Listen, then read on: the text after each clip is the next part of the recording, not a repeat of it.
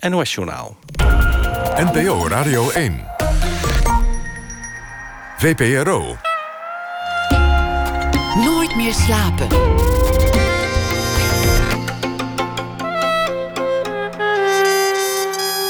Met Pieter van der Wielen.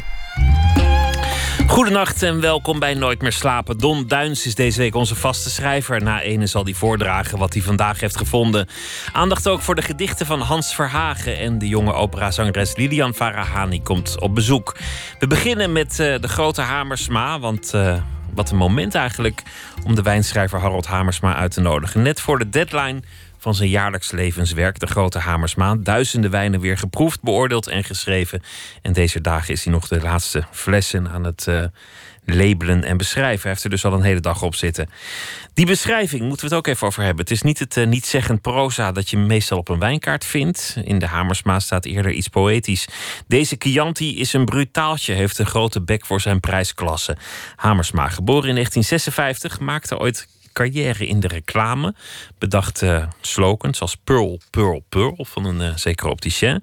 Maakte op relatief late leeftijd werk van zijn werkelijke interesse en ging schrijven over wijn. Gelukkig maar, want Bierland Nederland kon wat steun gebruiken bij het kiezen van de juiste fles wijn. Welkom, uh, Harold Hamersma. Dank u wel, Pieter. Hoe ziet zo'n dag eruit? Ja, dan doe ik mijn trainingspak aan, s ochtends vroeg. Want uh, wijn schrijven, dat is uh, topsport, roep ik dan altijd maar. Dan heb ik meestal afhankelijk uh, van wat er te doen staat op sportgebied, ook daadwerkelijk. Want ik sport vier keer in de week. dan doe ik dan mijn voetbalspullen daar vaak onderaan. En dan ga ik naar mijn werkplek. Dat is de, de kookboekwinkel van mijn vrouw. Dat is ook mijn werkplek, daar komen alle wijnen naartoe.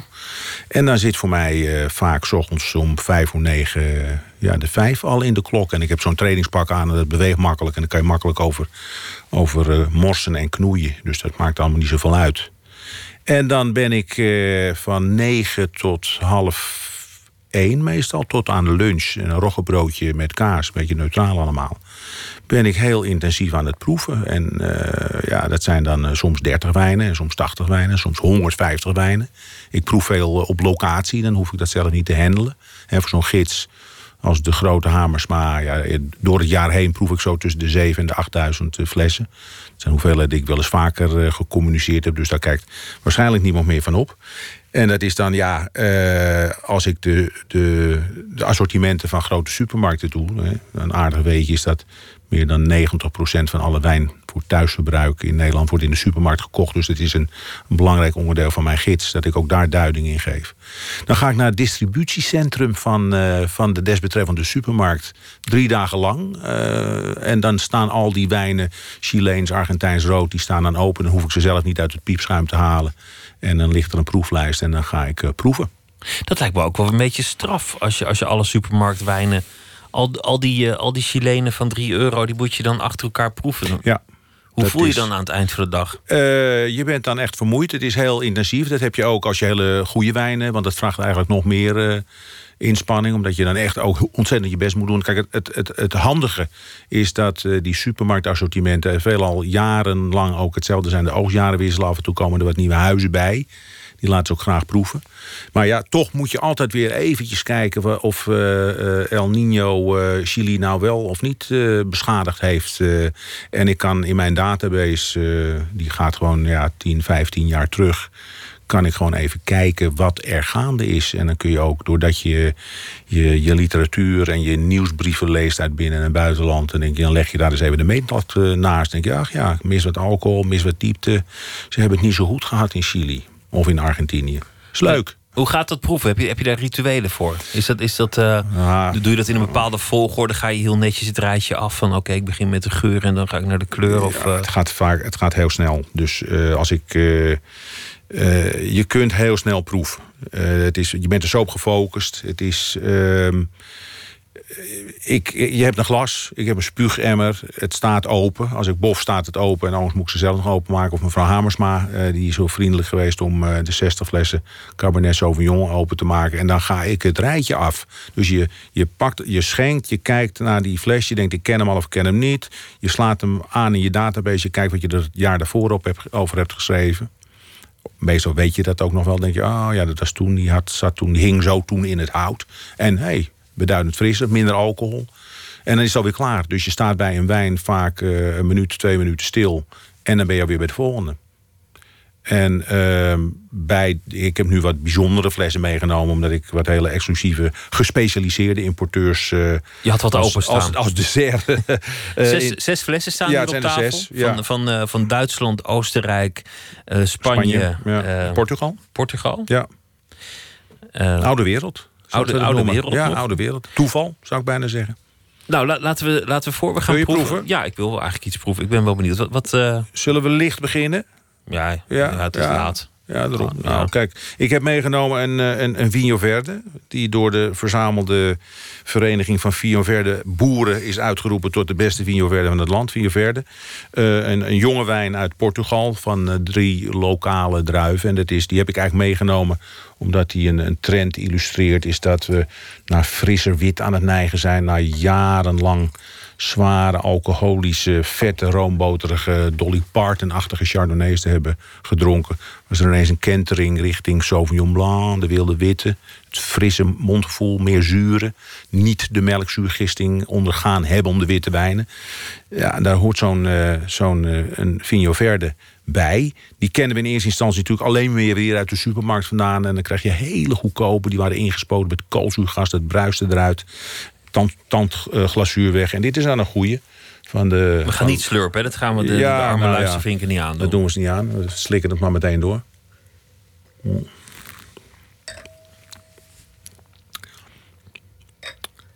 Schoon, zuiver, doorslessend, smaakpapil reanimerend. Let's go. Dit vind ik prachtig. Hè? Als, je, als je op een wijnkaart kijkt, dan staan er van die dingen. Van eh, een, een hintje van, eh, van kiwi. Ja. En, een, en, een, eh, en een randje van meloen. En allemaal van die dingen. Ja. Dat zegt je allemaal niks. Nee. Bij jou wordt het je reinste poëzie. Die, die teksten. Schrijf je die meteen op? Ja, nou, als ik bij de supermarktproeverijen sta of anderszins, maak ik vaak gewoon de technische proefnotities. Ehm, waarvan ik dan dus letterlijk ook wel zeg meloen, peer, citrus, abrikoos. Het zeggen, oh dat is dat. Fris of niet, of droog of drogend of tanninerijk. Ik vind deze niet goor trouwens. Nee, het is een hele goede wijn. Het is een ontzettend, ontzettend Ja. lekkere wijn tegen, om de dorst eh, te lezen. Het is niet groot, maar het is verkwikkend. Ehm, ik ben vooral schrijver. Toen ik, toen ik, ik ben schrijver en ik mag graag over wijn schrijven. Eh, toen, ik, toen ik 13 was, toen wist ik één ding zeker. Ik ga schrijver worden. En toen ik ook 14 was, toen heb ik mijn eerste typemachine gekocht. Omdat ik wilde schrijven. En dat ben ik ook gaan doen. Dus ik ben korte verhalen gaan schrijven. Woorden zijn voor mij, ja, eh, bedoel, eh, waar anderen gewoon een woord zien, daar heb ik alweer associaties bij. Dus ik, voor mij ga ik meteen ook links of rechts dan al de bocht om. En voor mij, toen ik ging schrijven, probeerde ik ook altijd al anders te schrijven dan anderen. Eh, ik heb op hele jonge leeftijd gedebuteerd met een kort verhaal in Avenue, Avenue Literair. Dat is een Eh, heel chic plat. Ja, dat is zo'n heel chic blad, ja. En eh, ik wist helemaal niet wat, wat ik, ik kreeg van allerlei uitgevers te horen. Van ja, joh, je, moet, eh, je hebt een interessante hoeveelheid korte verhalen geschreven. Een beetje allemaal rare verhalen met een beetje een Roald Dahl-achtige twist. En Hans L. Koekoek had je toen ook. Dat was een schrijver die ik bewonderde. Ik, ik las ook veel. Ehm, en ehm, ik had een enorme stapel korte verhalen. Ik heb ze laatst nog eens teruggelezen, verschrikkelijk slecht. Op een aantal na, waarvan er dus eentje inderdaad is opgepikt eh, door Avenue. Nadat een aantal eh, uitgevers had gezegd van ja, het past niet in onze portfolio. Maar er zitten een aantal goede verhalen tussen. Maar die moet je eens naar een literair blad sturen. Maar ze bedoelt natuurlijk propriacures of iets dergelijks. Maar ik denk literair, literair. Ik was toen al verknocht aan eten en drinken. Want wijn is niet iets voor, van de laatste jaren voor mij. Ik, ik, toen ik 16, 17 was, toen was ik al in wijn en eten geïnteresseerd. En ik denk, Avenue, daar las je... Wina Borren stond daarin. Die schreef over eten. Ik vergeet nooit meer hoe zij een amuse noemde. Een geestig mondvermaakje. Ik denk, nou ja, als je zo over eten kan schrijven, wat geestig. Dus ik, dat, daar was een literaire sectie, eh, zat er in dat, in dat blad. Los van prachtige reisreportages en fotografie, waar ik heel erg van hield. En ik denk, ik stuur het daar naartoe. Maar waar kwam het eigenlijk vandaan dat jij, dat jij van, van wijn bent gaan houden? Want je, je, je komt niet uit een, uit een hele chique familie met een wijnkelder Nee. en, een, eh, en, en een vader die, die de Bordeaux elke avond Nee, decanteerde. tegendeel. Nee, misschien juist wel daardoor. Kijk, mijn moeder kon helemaal niet koken, dus... eh, Dus misschien is het wel eh, een soort tegenzet geweest dat ik heel erg in eten ben geraakt. Zij, mijn vader dronk bier. Zoals je als arbeidersman drink je bier. En mijn moeder dronk Koeberg Bessen met 7-Up. En dat was weer heel dankbaar. Daar heb ik ooit een keertje een mooie proefnotitie van kunnen schrijven. Dat ze mij een nachtkus gaf. Eén uh, Koeberg bessen met 7-Up te veel gedronken. Dat, van, dat ik die zweem van die, van, die, van die kassis en die bessen... die rook ik op haar adem en die kon ik toen kwijt in een, in een proefnotitie voor een Griekse wijn. Notios, dat ben ik nooit vergeten. Die je deed denken aan de, aan de bedorven ja, adem van aan die, aan die nou bedorven. Het was dat zoet, zwemige, alcoholachtige. En ja, ik... Mijn, va mijn vader dronk bier, zij dronk Koelberg Bessen. Dus wat doe je dan als puber die uh, de oorlog in Vietnam aan het bestrijden is... Uh, en het beroepen is dan uh, ga je iets drinken wat zij niet drinken. En toen had je dus in Albert Heijn, aan wie als wij als wijndrinkend landthans veel te danken hebben, die hadden toen pakken wijn. En ik ging naar mijn tienerfeestjes of, of, of, of middelbare schoolfeest, moest je allemaal wat meenemen. Dan neem ik pakken wijn mee. Pakken wijn, als je daarover nadenkt. De hele wereld heeft op zijn kop gestaan toen er de eerste keer de schroefdop op een fles kwam. We spreken in 1973 en het pak wijn. Het was niet te hakken, maar het interesseerde me. Ik denk, hé, hey, dat, is, dat is leuk. Het is anders dan anders. En uh, toen ik 17, 18, 19, 19 was, denk ik... toen uh, had je uh, een, een wijntapperijen... waar je zelf je wijn mocht tappen. En daar ging ik dan zaterdag naartoe. En daar kocht je een keer een wat duurdere fles van misschien wel vijf gulden. En daar stond op uh, Côte Auvrier of uh, Mise en Bouteille. En ik ging er een boek over lezen. En ik vond dat schrijven, zoals Hubrecht Duiker dat ook in bepaalde bladen al deed. De 70 jaren, dat, het boeide me. Het hadden ook spoortreintjes kunnen zijn. Of, of maar het was, eerst, het was eerst nog een hobby, want je, want je ja. ging de reclame ja, in. Ja. In de, in de, reclame heb je nog, nog best een mooie loopbaan gehad. Ja, een hele mooie. Ik heb eigenlijk daar alles in bereikt. Van, van krullenjongen tot uh, letterlijk groepsdirecteur van een eigen onderneming. Een heel groot en succesvol bedrijf. Wat we aan een internationale, multinationale Amerikaanse onderneming hebben mogen verkopen. Dus dat was wel heel geestig. Maar, uh, en toen ben ik ook, ja, toen dat allemaal was, toen dacht ik, ja, ik heb eigenlijk ook wel alles meegemaakt. Uh, dus dan kom je in een soort herhaling van zetten kwam ik terecht. En live is no rehearsal.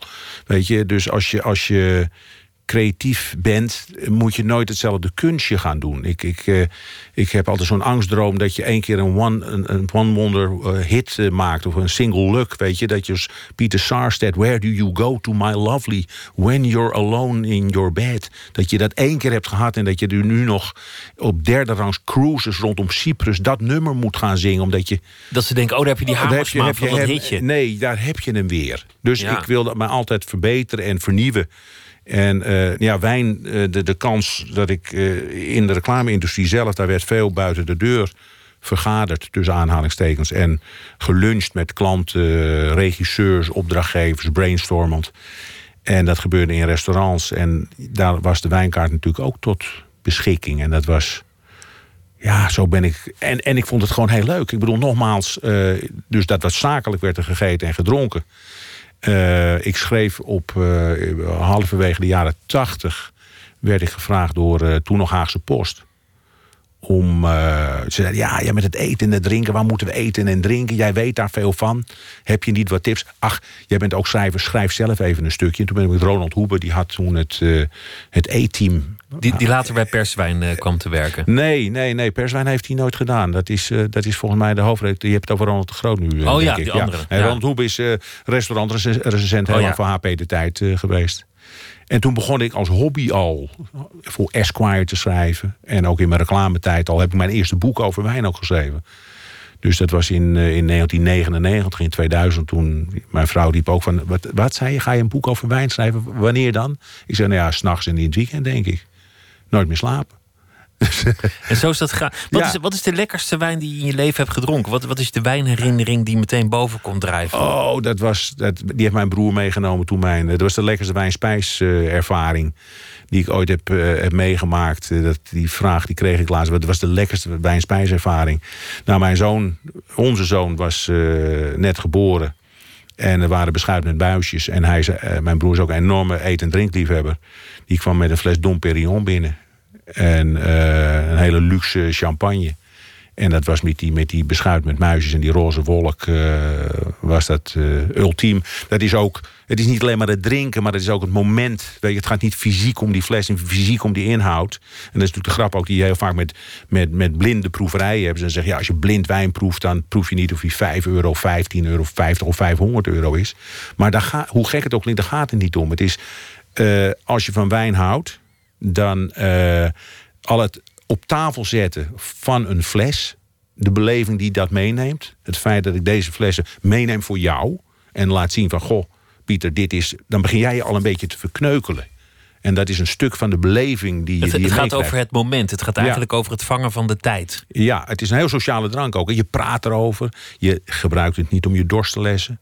Daarom zijn de verhalen die je over wijn kunt vertellen. Ik probeer voor, over iedere wijn altijd een verhaal of een verhaaltje te vertellen. Of in ieder geval een interessant woord in de proefnotitie te gebruiken. En dat is natuurlijk ook het interessante. Want, want als je weet dat het de laatste wijn is die die boer gemaakt heeft voor die te pletter vloog Ja. op zijn eigen wijnranken bij het zweefvliegen.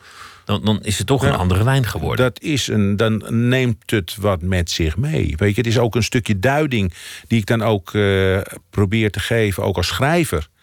Eh, dat ik mijn liefde voor, eh, voor wijn of de haat die je kunt koesteren ook tegen. Ik zeg, gadverdamme man, dat is helemaal niet. Dat je die in woorden probeert te vangen. En als je dus eh, in Australië was, ik, ik, ik, ik, heb de bof natuurlijk dat ik veel kan reizen eh, hierdoor. Omdat ik een man met een missie ben dan. Als je met Australische wijnmakers eh, praat, zegt, die zeggen letterlijk... we are not bottle sellers, we are storytellers. Dus die zoeken altijd iets over de druif. Iets over die man met het houten been. Iets over die man die is neergestort. maar het geldt ook voor jouzelf. Het, het is de, mensen kopen de Hamersma. Ja. Mensen kopen Ja. jou. Ja. Mensen kopen niet de, de, de jaarlijkse wijngids van het genootschap Giel, Nee, de Nederlandse nee, nee. eh, proefnotitie. Of zoiets. Nee, dat, is, dat klopt. Het is... Je, je bent zelf ook je eigen product geworden. Je, je ja, dat schijnt dan heel erg modern te zijn dat je tegenwoordig je eigen merk bent. Maar ik, mijn, mijn opstapje heb ik gekregen dankzij mijn, eh, mijn oude leermeester. Hè. Dus ik was een enorme fan, en nog steeds overigens, van Hubrecht Duiker. Dus dat was de, de, de vader des vaderlands eh, in Wijnland. Dat is de, de, man die, eh, overigens ook een voormalige reclameman... die zijn reclamecarrière in eh, begin jaren 70 geloof ik heeft opge- opgezegd... om over wijn te gaan publiceren. En ja, je had toen nog geen internet. Dus ik spaar, dat, de centen die ik had, die spaarde ik om A, om wijn te kopen. Of B, om zijn boeken te kopen. De grote wijnen van Bordeaux, de grote wijnen van Bourgogne... de grote wijnen van Elsass, die lagen onder mijn, eh, onder mijn hoofdkussen van mijn, van mijn luchtbed. Als ik op de camping municipal in Saint-Emilion... daar weer vier weken aan het rondreizen was. En nu eh, krijg je dan ook de kans om, eh, om, om, dat, om dat te doen. En, en ja, en ik probeer dan die verhalen... Maar dacht je toen ook meteen toen je die kans kreeg... oké, maar dan, dan moet ik ook mezelf tot Nou- iets maken. Dan moet ik, moet ik er ook echt de Hamersma van Nee, maken. dat is in een stap ook gegaan. Eh, kijk, ik schreef al eh, enigszins over wijn. Hè, dus wat ik al zei voor HP De Tijd en voor Esquire... en ook voor het Parool toen al. Gewoon in mijn reclametijd nog. En toen heb ik ook mijn eerste gidsen geschreven. En ik had wel mezelf als missie gesteld. Ik denk, nou, het moet een gids zijn die voor de consument is. Voor de, niet voor de snop, maar voor de gewone mens... die in de supermarkt eigenlijk zijn wijnen koopt. Dus mijn je, eerste... moet, je moet die drempel ook een beetje wegnemen. Ja, dus Hubrecht, toen ik stopte in de reclame-industrie, dus dat, dan heb ik het over 2003. Toen ben ik eerst, ik zei, nou, ga een jaartje rondkijken. Ik zie wel wat er op me afkomt. Ik wil wat meer met wijn gaan doen, maar ik weet nog niet wat. Die stuurde mij een mailtje. Hij zei, ik, ben, ik maak altijd de wijnalmanak. Dat doe ik al jaren. Met de beste wijnen onder 5 euro was dat toen. Hij zei, wil jij dat gaan doen? Nou, ik sprong een gat in de lucht. Want dat was precies in het pulletje voor mij. Ik denk, dat is geweldig. En toen ben ik met de uit... Nou, dat heb ik vijf jaar gedaan. Maar ik kwam er dus achter, eh, ook de discussies die ik had met de toenmalige uitgever. Ik zeg, we moeten ook andere media gaan inzetten. Het internet kwam toen op, maar de uitgevers die keken alsof ze water zagen branden. Ik zeg, en dus ik ga daar, ik moet daar, eh, ik moet een andere stap daarin maken. En Daar konden ze nog niet in mee. Dus ik ben van uitgever gewisseld en die zeiden van, hoe, ga hoe gaat jouw gids dan heten? Ik zeg, nou ja, die gaat, die gaat eh, ik heet nooit Wijnalmanak. Hè, die, die, die, zo heet ik niet. Ik heet Hamersma. En ik heb enigszins al een kleine naam gekregen in de wijn. Dus ik ga dat ding de grote Hamersma noemen. Eh, dat kan omdat ik zelf ook 1,90 meter ben. Dus, eh, dat, en dat is natuurlijk een Ja, dat, ik, Maar het, het werkt natuurlijk veel beter. Een, een, een hamersma, daar neem je iets van aan. Terwijl van, eh, van een anonieme gids van deze en of gene is dat moeilijker. Als, als jij schrijft, deze vindt mevrouw Hamersma ook zo lekker. Of, of hier Ja. heeft meneer Hamersma echt van genoten. Doet hem denken aan de adem van zijn moeder, notabene. Nou, Ja, ja, dat, ja het werkt. Kijk, ik heb natuurlijk de, de bof ook, is dat ik een, een, een, een, een mooi mediaplatform heb. Ik mag publiceren. Ik publiceer in, in nationale bladen ook weer. En nou, goed, radio en televisie. Er is, een- ik heb een eigen televisieserie gemaakt. We praten nu over een nieuwe serie. eh, samen met Ronald Giphart. En eh, ook een liefhebber. En dus daardoor krijgt, jou, eh, krijgt natuurlijk datgene wat je vindt ook wat meer eh, gewicht. En dat is, dat is heel leuk. En vergeet ook niet, en dat, dat is gewoon ook zo, is dat het is ongelooflijk moeilijk, die wijn. Eh, ik, ik, ik, ik, ik, heb me ooit een keertje gevoeld toen, ik was toen geloof ik in Bulgarije. En toen voelde ik me als de gemiddelde eh, wijnkoper in de supermarkt bijvoorbeeld. In Bulgarije hebben ze andere, eh, andere letters, een ander schrift. En ik stond daar voor een, voor, een, voor een, een wand met wijnen, met allemaal woorden die ik niet begreep. En ik denk, god, dat is als een willekeurige koper van de supermarkt wijn. Want wat ik al zei, 90% van alle wijn wordt in de supermarkt gekocht. Daar staan tussen de 6 en 800 verschillende flessen wijn. Nou ja, er staat dan Chardonnay, die ze kennen. Of er staat Sauvignon Blanc, daar hebben ze wel eens van gehoord. En de kennis is niet heel. Dus ze zoeken een soort en dan heb je, dan heb je nog. Al die landen en een Premier Cru en Grand Cru en al die wijnboeren. En Ja. welk jaar moet je dan weer hebben? En dan moet, ik, ik kan constant dat verhaal ook vertellen. Oude stokken, nieuwe stokken. Oude stokken, nieuwe stokken. En dat een Grand Cru, waar ongelooflijk mee geadverteerd wordt. Deze Grand Cru, het hoogste van het hoogste. Dan zeg ik nee, in Saint-Emilion is dat het ene laagste ongeveer. Maar in de Bourgogne is het weer het allerhoogste. Nou, dat kun je wel duizend keer blijven uitleggen. Dus mensen hebben ook letterlijk en figuurlijk een gids nodig, een houvast. Dat mensen het is een beetje alsof je in een kledingwinkel staat en je hebt een vestje aan.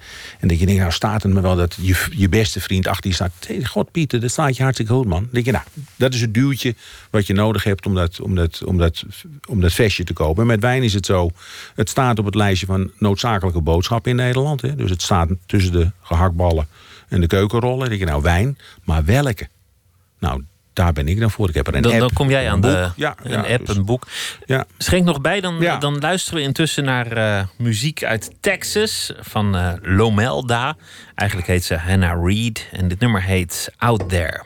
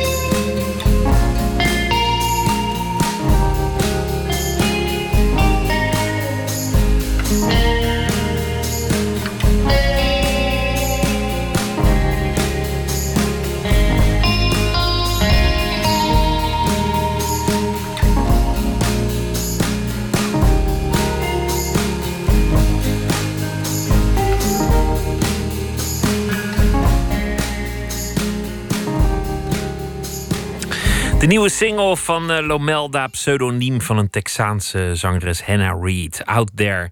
Nooit meer slapen in gesprek met Harold Hamersma. En eh, hij schonk net een, eh, een Riesling in. echt een, een, een lekkere Riesling. Goed, hè? Ja, dit, Ja. dit, dit is die, die, die Vigno Verde, dat vond ik dan wel Ja, maar dat is een instappertje, aanlopertje daar. Een aanlopertje, een voorprogramma. Ja, voorprogramma, ja.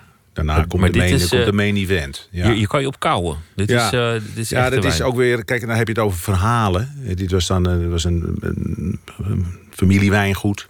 Die zoon was uiterst intelligent, dus die ging eh, bedrijfskunde studeren, werd bankier. En die denkt, joh, wat ben ik nou toch in godesnaam aan het doen? Waar ben ik mee bezig? Ik vind het helemaal niet leuk. hè. Letterlijk het motto van geld verdienen is niet leuk. Leuk geld verdienen, dat is leuk. En die is weer teruggevraagd door zijn ouders. Hij is weer teruggegaan naar zijn domein.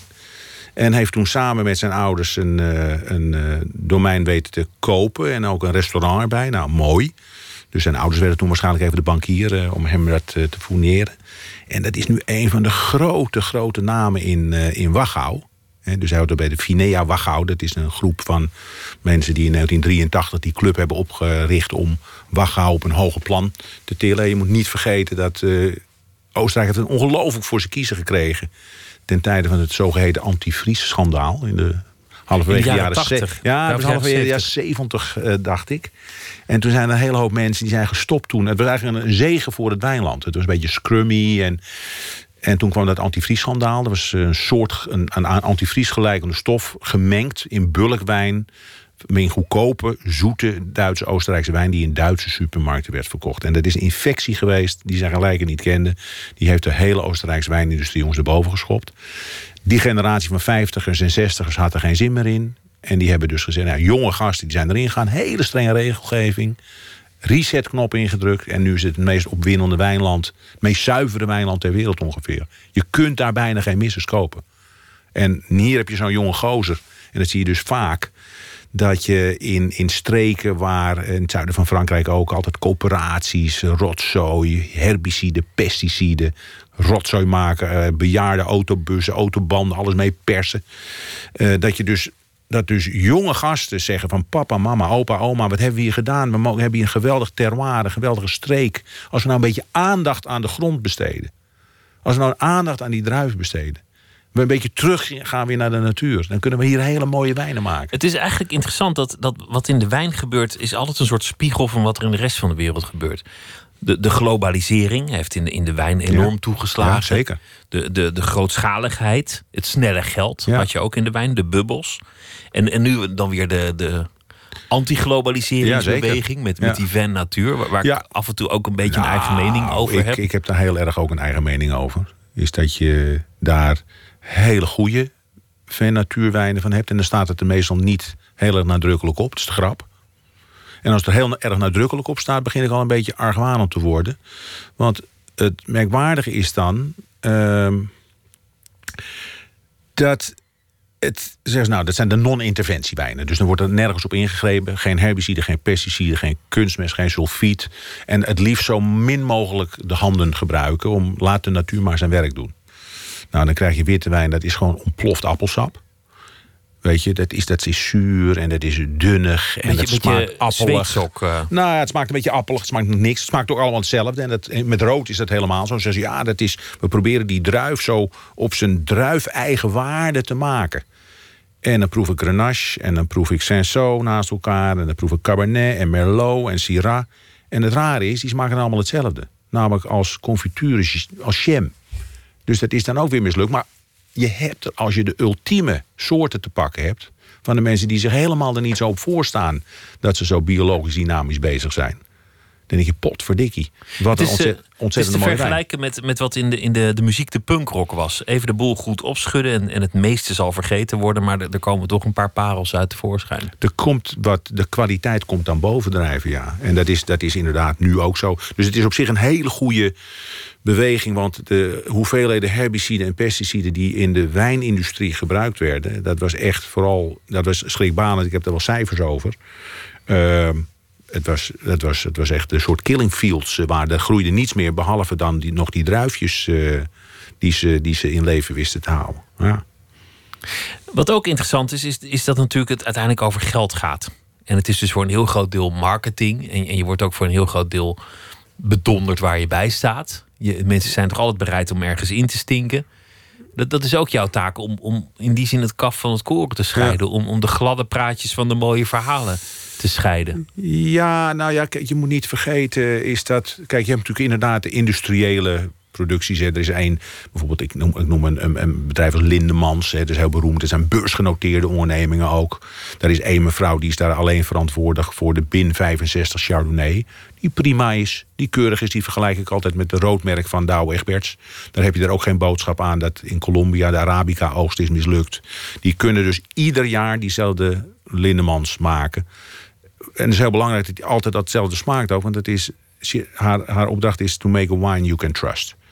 En dat is heel belangrijk dat ze geen zeepers halen. Want ze moet ieder jaar tussen de 25 en 30 miljoen van die flessen maken. Dus dat is gewoon mainstream. Dat is confectie. Maar het is wel zo, zo ben ik ook begonnen. En zo ben jij waarschijnlijk ook begonnen. Je begint, je moet onderaan beginnen. En je begint dan in de basis. En mijn taak is dan, zeg ik, ik zeg, nou, als je die Chardonnay nou lekker vindt, als je die nou lekker vindt, hè, als ik een tip mag geven als je het over supermarkt hebt, mainstream is 5 euro, dat is 4, 5 euro. Heel veel huiswijnen, mensen zeggen, nou, dat vind ik gewoon lekker. Uh, prima. Ik zeg, nou, op het moment dat je 2 of 2 euro meer uitgeeft, dan gaat alle kwaliteit al in die 2 euro zitten. Dus als je een fles gewoonlijk koopt van 5 euro, je geeft een keer 7 euro of 8 euro uit, dan wordt het ook in de supermarkt vind je al een veel betere wijn. Er zit dus meer kwaliteit in die wijn. En dat is mijn taak om dat te vertellen. Dus wat dat betreft, ik heb daar misschien iets aan kunnen bijdragen, omdat ik er enthousiast en veel over mag vertellen en al, al, al, al heel lang. Is dat, uh, dat wij in ieder geval in Nederland nu, we zijn wat duurder gaan drinken. De gemiddelde besteding gaat omhoog. Wij gaan meer geld uitgeven aan wijn. Dus we gaan wat meer kwaliteit kopen. En dat is mooi. En dat verschil kun je proeven. Dus ik word ook heel blij. Uh, wij komen nogal eens in restaurants. Dat je vooral in. Uh, dat je dus ongelooflijke jonge mensen. met onwaarschijnlijk veel enthousiasme. het wijnproduct ziet verkopen. Jonge sommeliers, wijnkelners. Nou, dat je En- sommelier noemt, dat, dat, dat is een beroep dat je in Nederland amper tegenkwam 20 jaar geleden. Dat, dat nu echt Dat zijn de helden. om zich heen aan het, aan het eh, Eerst hadden we de, de, de, keu, de, de koks, die zaten achter de, achter de kachel... en die zijn nu naar voren gekomen, dat zijn de nieuwe popsterren. En die moeten nu een beetje een plekje gaan vrijmaken... voor goede gastheren of gastvrouwen. Die dan ook, ik bedoel, jongens van 4, 25, meisjes van 4, 25... die met een kennis en een liefde... eh, en fonkelend het verhaal vertellen en vondsten doen... waar we zeggen, meneer Hamers, maar ik heb nu iets... een natuurwijn, die kent u nog niet en die is nog lekker ook. Oh, en dat vind ik heerlijk. Een vraag die jou vaak gesteld wordt, is waarschijnlijk: is zo'n wijn van 1000 euro dat nou werkelijk waard? Meneer Hamersma. Ja, die, Want die, die prijzen kunnen natuurlijk oneindig hoog worden. Ja, dat heeft alles te maken. Kijk, als je aan een schilder vraagt. eh, eh, meneer Rembrandt of meneer Appel. Voor hoeveel verf zit er nou op dat schilderij? Hij zei, nou, dat toch wel gauw omgerekend in deze huidige euro's eh, 7 euro verf zijn. Maar waarom moet het dan 114 miljoen kosten? En dat heeft alles te maken met schaarste, marketing, bijzonderheid, ehm, de plek. Waarom is een, een, die ene Merlot-druif, die je voor 2,99 als huiswijn koopt, dat is een Merlot-druif. Maar die zit ook in Petrus en dat is dan weer de duurste Pomerol die er bestaat. Schaarste, het hebben, eh, dat zijn flessen die worden gekoesterd. Er wordt niet veel van gemaakt. Er komt nooit meer bij. Want dat is de hoeveelheid, eh, dat zijn de hoeveelheid hectares waar het aan moet gebeuren. En het is natuurlijk letterlijk marktwerking. Eh, het wordt, helaas worden kostbare wijnen vaak gekocht door mensen die er geen verstand van hebben. Die het niet kunnen waarderen. En Ik heb, dus, ik heb wel eens een, een diner mogen bijwonen. Voor, voor een economieprogramma was dat eh, destijds. Waar, waarbij Chinese Lafitte Rothschild dronken. Ja. Zakenmensen. En, en dat ging in zo'n rap tempo Ja. naar binnen. Ja, maar dat, daar Met zijn we dus weer, eten Nee, erbij. maar daar zijn we dus weer terug bij datgene wat ik daarnet al vertelde. Is in China is een enorm blijk van gastvrijheid. als je aan jouw gast toont hoeveel, hoeveel hij waard is voor jou. Namelijk dat je zegt: kijk eens, ik heb hier deze fles, die gaan wij, dat, die gaan wij met elkaar gaan wij die drinken. Die heb ik voor jou gekocht. En dat ze dan ha ha ha eh, ijsblokjes in doen of Coca-Cola. Daar gaat het dus helemaal niet om. daar heb je het dus al. Die fles, die symboliek, die staat voor gastvrijheid, voor openheid, voor zaken doen. En ja, dat gebeurt natuurlijk ook heel veel met, met, met wijn. Dat is natuurlijk heel eh, zichtbaar. En daarom, dat blindproeven, ik zeg maar, zou je, als je het blind proeft, zou je dan kunnen. kunnen we hebben een blindproeverij gedaan, dat, dat je zegt, joh, tot 50 euro kun je ongeveer proeven. We doen vaak, laat ik zeggen, die wedstrijd. Ik zeg, nou, wat proef Ik zeg, nou, het is een ambitieus gemaakte wijn. Kost tussen de 10 en de 15 euro. Kost 20, 25 euro. Maar op het moment dat het boven de 50 euro kost, dan kan die ook 500 euro zijn. Maar dan kun je dus dat prijskaartje er niet meer aan hangen. Heb je zelf een kelder met, Ja, eh, met, ja, met eh, ja. schatten erin? Ja. Hoe, ver, hoe ver gaat dat? Wat voor parels heb je daarin liggen? Nou ja, hoog, hoge Bordeaux's. Ja, Ik hou erg van, als je mensen aan mij vragen, wat koop je dan zelf? Ik heb natuurlijk de hele wereld doorgereisd, ook met mijn mond... en ook de hele wereld doorgereisd met mijn kelder. En op een gegeven ogenblik kwam ik er toch achter... dat ik eh, alleen nog maar uit de, nieuwe, of uit de oude wereld aan het kopen was. Dus vooral, ik denk, nou, wat, wat drink ik graag? Ik drink heel graag champagne, maar dat ligt altijd in de koelkast. Dus die ligt altijd koel. Eh, wat is de beste witte wijn ter wereld? Nou, dat is dus witte Bourgogne. Heel simpel, de wereld zit overzichtelijk in elkaar. Iets beters dan dat bestaat niet. Eh, dan hebben we in rood, gaan we... Kijk, ik denk, god, dan heb ik hier Bordeaux gekocht. Ja, is toch weer Bordeaux. En oh ja, toch ook weer Bourgogne. En toch ook dan lekker in de buurt Rode Ronne. Bijna geen Spaans, Heel maar wel weer, wel weer Noord-Italiaans. Dus Barolo, dus Nebbiolo eh, druif. Vind ik fantastisch. De donkere, die schaduwranden. Die, die, die Nebbiolo, die, die, die, die, die prachtige druif. Die Maar, zich maar toch een heel klassieke man uiteindelijk. Dus. uiteindelijk wel, ja. Ik kan Nou je ja, karakter aflezen aan je, aan je wijnkeuze. Dat, dat, is, dat is toch een man van... Nou, het is ook dat ik al die... bewezen kwaliteiten. Je moet niet vergeten dat in de nieuwe wereld... begonnen ze dus in eerste instantie die oude wereld na te maken. Dus ik ben weer terug naar de real thing, zou ik bijna zeggen. Je bent als, als jongen uit de pijp naar Ja. Amsterdam-Zuid verhuisd. Ja. Waar je nog altijd woont. Eh, nou, ik ben weer terug. Ik ben, ik ben de pijp uitgegaan. Hè? Nou, en meestal kom je daar nooit meer terug, want dan ben je de pijp uit. Maar ik ben dus in, inderdaad keurig achter het concertgebouw eh, gaan wonen. We hebben 30 jaar gewoond. In zo'n keurig herenhuis in een eh, rustige straat. Toen gingen de kinderen eruit. En toen zijn mevrouw Hamersma en ik weer de pijp ingegaan. Oh, dus je bent... Je bent Ja, we zijn terug de pijp in. Terug- dus ik ben pijp. terug in mijn geboortewijk. Waar mijn ooms en tantes over de ramen hingen. En mijn opa's en oma's. En we hebben de winkel die we nu hebben. Waar ik werk. eh, toen, toen wij eh, die overnamen. Dat was al een kookboekwinkel. Dat is nu weer een kookboekwinkel. Omdat mijn vrouw de kookboeken doet. En ik daar zit te werken. Toen kwam mijn vader binnen. Uit de pijp. En die zei: Ja, nou, ik ken het hier wel hoor. Dit is mijn oude kappert dit is zijn oude kapper. Dus dat was zijn oude kapper, zijn DNA. Zijn, dat zit nog tussen de plinten daar. Dus ik, ik ben in de pijp. En ja, dan kun je mensen zeggen: Oh, het is wel veranderd, de pijp. Ik zeg: De pijp is helemaal niet veranderd. Het is alleen misschien moderner geworden. Maar een het is- beetje drukker. nou, het is drukker. Het is, maar het is altijd een, een sociaal-culturele meltingpot geweest. Met Surinamers en Italianen. En het was een mix van heel veel nationaliteiten. nationaliteiten. En dat is nog steeds zo. Mede gevoed door de markt, de Albert Kuip. Ja, het is, eh, ik, ik voel me daar eh, heel erg op mijn gemak. Nog altijd bij je, bij je eerste vrouw. Tja, een mirakel hè. Al, al vanaf je zeventiende. Zij was ik. 16 ik was 17 jaar. Echte liefde bestaat nog zeg. ja, ja. ja. Keurig overzichtelijk bestaan eigenlijk. Ja, als het ja, ja, het, klinkt, het ziet er allemaal heel overzichtelijk uit. Is een ontzettende bende in mijn hoofd natuurlijk. Want er komt zoveel, ik ben met zoveel dingen bezig. Het lijkt, het is natuurlijk wijn, maar ik ben ook, eh, nou ja, ik hou erg van eten en drinken. Ideeën verzinnen rondom eten en drinken. Televisieprogramma's, eh, boeken schrijven. Ik ben weer, ik heb nu net een nieuw boek over wijn en gezondheid geschreven. Het dagboek van de gezonde wijndrinker. Eh, heb ik dan gevraagd of mijn vriend Kamagurka, Luc Zeebroek, is een enorme wijndrinker, een enorme eetliefhebber, of hij eh, daar de illustraties voor wilde maken. En eh, nou ja, goed, het boek ligt nu bij de drukker, dus dan. eh, het is ook weer, ja, ik, ik moet. Kijk, ik ben een schrijver. Ik, moet altijd, ik ben altijd met woorden bezig. Dus ik, mijn hoofd is daar constant mee aan de slag. Opschrijven, schrijven, erover praten. En je ziet er hier ook weinig pijnlijke stiltes. ja, dus dat is. eh, maar ja, dat is. eh, Maar de, de, de altijd zo rustige en, en eh, laconieke meneer Hamersma...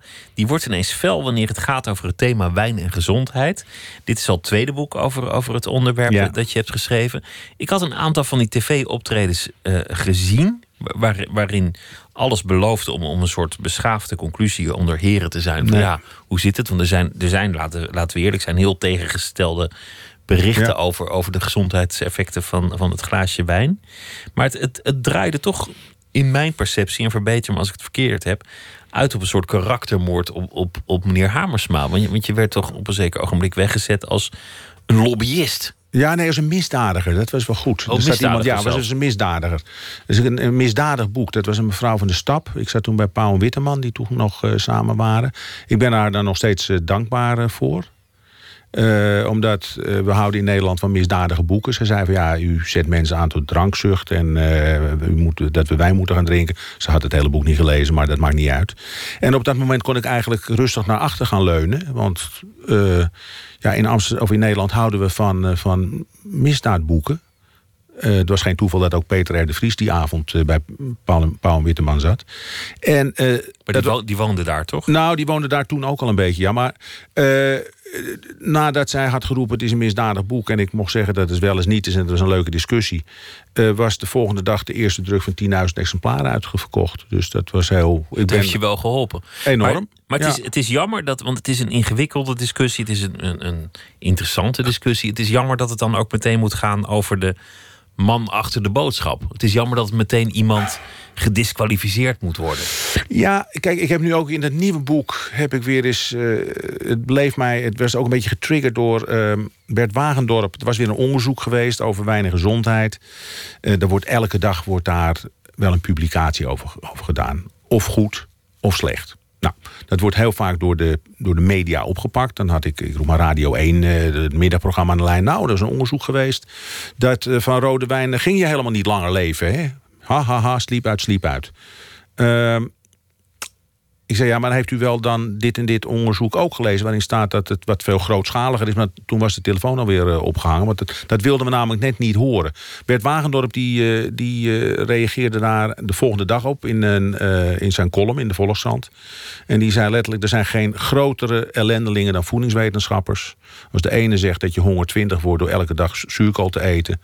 dan roept de ander de volgende dag dat je daar onmiddellijk dood van gaat. En daar ben ik weer eens ingedoken... naar al dat onderzoek wat er wordt gedaan gedaan. Er is een, op dit ogenblik, de afgelopen twee, drie jaar... is er een soort echte anti-alcohol-lobby gaande. Hè? Dus er, is gewoon, er, is, er wordt ongelooflijk geageerd tegen, tegen alcohol. En eigenlijk de gegevens die worden gebruikt... die zijn of vaak niet goed getoetst... of worden at random ook gewoon uh, door de desbetreffende journalist van dienst... Uh, uit het persbericht overgenomen... zonder dat er andere bronnen of tegengeluiden worden uh, gehoord. Nou, ik heb dus al die voor's en tegens in mijn boek... Dagboek van de gezonde wijndrinker...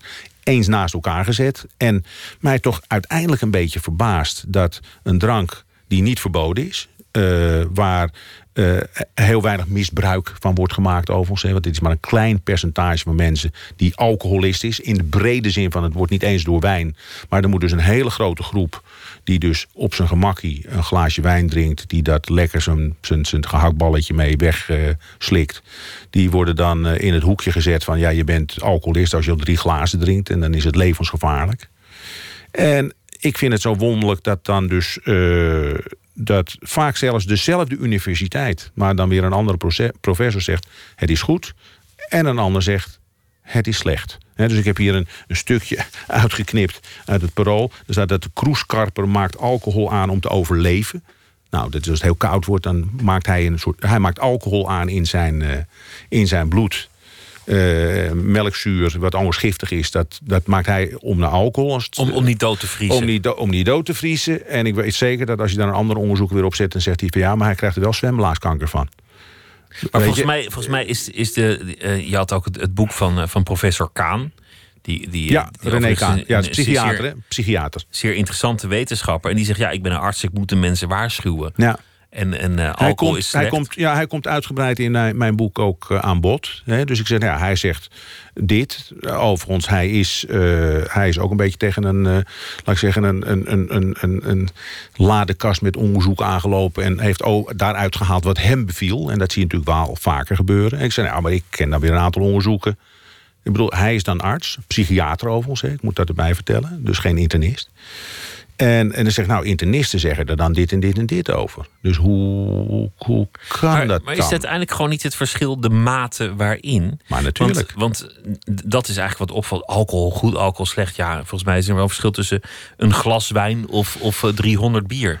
Ja, dat is het ook zo. Iedereen weet dat natuurlijk ook, Pieter. Eh, Ik bedoel, jij weet ook dat als, jij, als er hier een stuk kaas ligt... als je die hele kaas opeet, 1 kilo, dat het ook niet goed voor je is. Als Voel je die- ook niet zo lekker. Als je die jumbo-zak met chips eh, opeet, dan is het ook niet goed.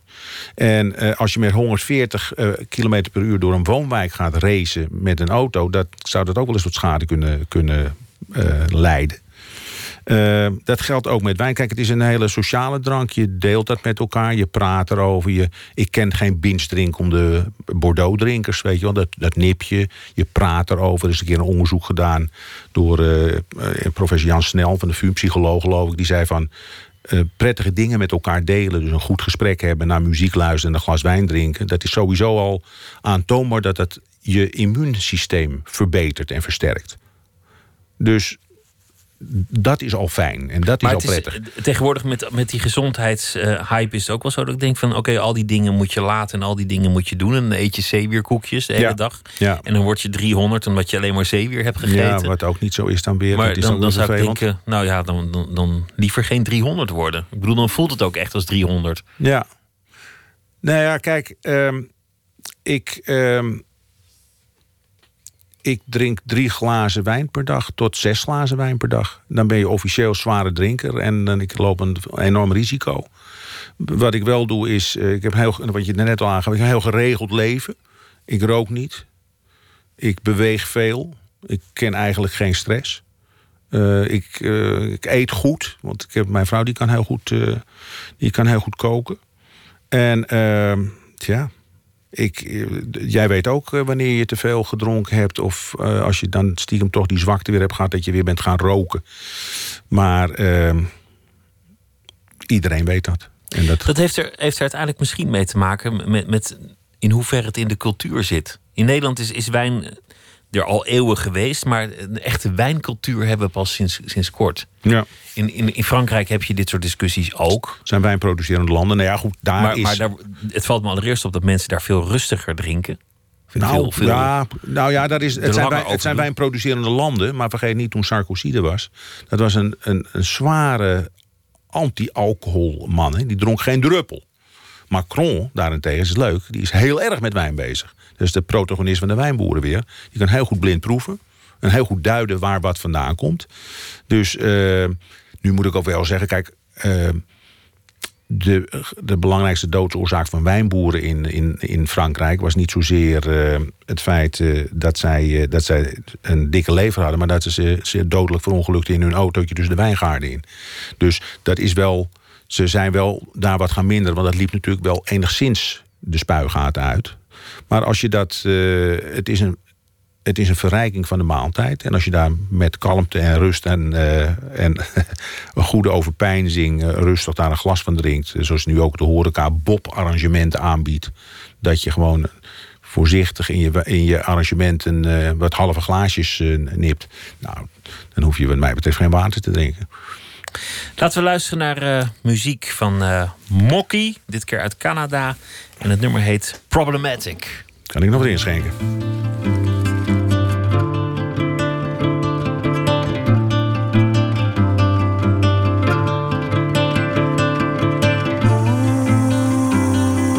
Why do we make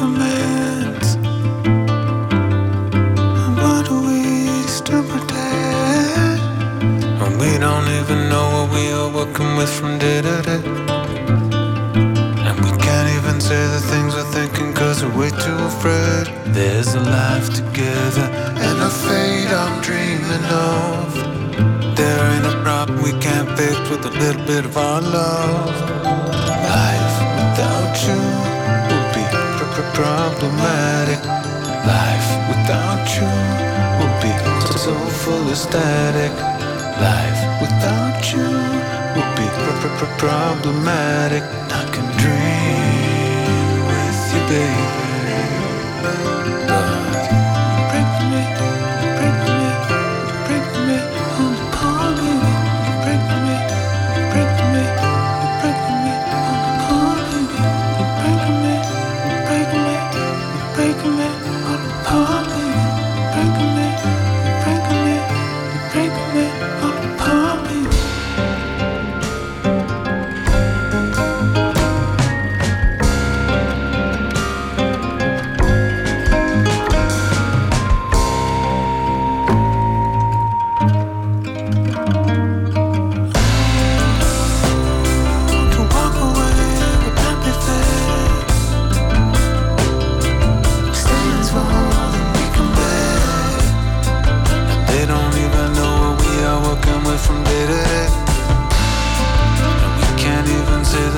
still thinking cause we're way too afraid There's a life together.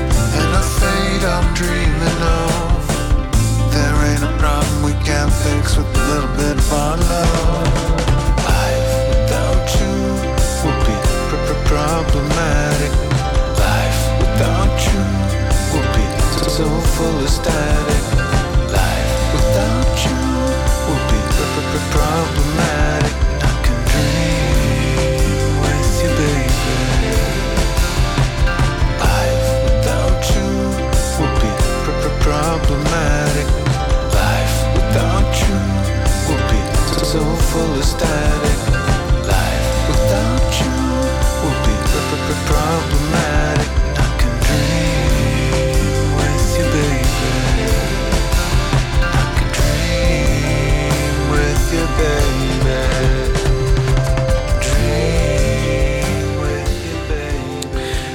Met eh, Problematic. Een eh, Canadees die eh, hits schreef voor anderen. Onder meer voor Feist en Jamie Lydell.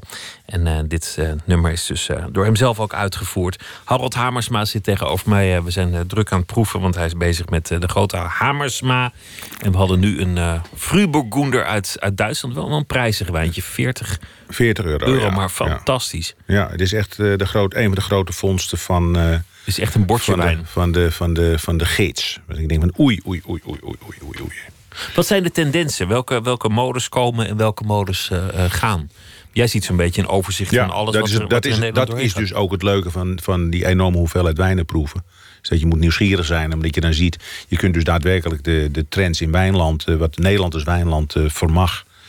Ik, zag dus heel langzaam, vijf, zes jaar geleden... Chardonnay ineens een beetje plaats moeten maken voor Sauvignon Blanc. Dat kent nu ook ineens iedereen. Eh, we gaan naar frisse wit. Eh, we beginnen een beetje richting eh, het voormalige Oostblok. Er komen wijnen uit Slovenië vandaan, Hongarije, dat is erin aan het komen. Wat heel belangrijk is, is dus dat we een beetje Merlot moe aan het worden zijn. Een beetje Chardonnay aan het zeggen zijn. Dus we zijn wat spannender druiven. Chardonnay. oh ja. Chardonnay. Ja, Chardonnay. Merlot Mou. Syrah Fatigue. Eh, dus we beginnen wat spannender. eh, Wat we, we zoeken eh, autochtone druiven. Eigen streken met hun eigen druiven. Wat dat betreft is Italië aan het inkomen. Dat is het, dat is het land met de meeste eh, autochtone druiven. Eigen druiven eerst, eh, zou Wilders zeggen in dit geval. Dus van het noorden tot aan het zuiden. Iedere regio heeft daar zijn eigen druif. Met zijn eigen handtekening erop. Dat vinden we spannend worden. En dat vinden we interessant. En dus vooral, je ziet het ook in de supermarkt al komen. Hè, dat er ineens een Fiano-druif in de supermarkt te koop is. Of de Falangina-druif. Nou, dat was een paar jaar geleden nog ondenkbaar. De alcoholpercentages, daar zijn we op aan het letten. We houden niet meer van zo'n eikenhout. We zijn erg op mousserend aan het raken. En dat is een beetje ingegeven door eh, het feit dat we houden van belletjes. Hè. De gin tonics zijn erin gekomen bij een jongere generatie. Dat mousserend is mooi geworden. Dat, eh, dat, eh, dat, dat, dat, is een beetje, dat pad is een beetje geëffend door de populariteit van Prosecco. Sinds 1 januari eh, 2017 is de bubbeltax afgeschaft. Dus champagne. is, ja, weer ja, gelijk. de- de- dus voor, alleen voor goedkope Prosecco's, die was heel laag. Maar alles wat dus duurder was dan die goedkope Prosecco... dan moest dus de bubbeltax, een luxe belasting, werd erover geheven. Dus nu konden dus de prijzen van de cava's... die konden dus vaak een anderhalf euro naar beneden. Dus je ziet die belletjes eh, letterlijk gaan bruisen en gaan opkomen. Dat is fascinerend. Maar ik moet wel zeggen, en snik snik... is dat we zijn weliswaar wat duurder gaan drinken... maar niet zozeer meer. Dus de gemiddelde consumptie per capita... die in Nederland op 20,5 liter ligt per jaar. Dus per hoofd van de bevolking drinken we 20,5 liter eh, wijn met z'n allen. eh, per persoon. Ehm, die eh, is wat aan het krimpen, want die was hoger... eh, omdat de speciaalbieren erin zijn gekropen. Die zijn weer wat hipper geworden. Ja, die zijn hipper geworden. Kijk maar in de supermarkten. Zie je ineens hele wanden met eh, nou ja, bijzondere bieren. Lokale bieren, eigen bieren, regiobieren, spannende bieren. En ja, dat schap is niet van elastiek. Dus dat wordt links en rechts een beetje van, de van de wijn En ook een jongere generatie vindt dat spannend. Eigen brouwerijen. Het aantal brouwerijen in, Noord-Holland is geloof ik eh, verdrievoudigd ten opzichte van een paar jaar geleden. Vind ik leuk. Het geeft in ieder geval aan dat we in Nederland zijn we met smaak bezig. We eten en drinken niet meer alleen maar omdat we er anders, omdat we anders dood zouden gaan. We hebben een belangstelling gekregen voor regionaliteit, eigenheid. We ontdekken onze smaak, we ontdekken een eigen smaak. Dat vinden we leuk. We kunnen daarover praten. We, we, willen de, we, zien dat er een, een, dat er een bepaalde kruiden en groenten zijn. Dus ook bepaalde bieren.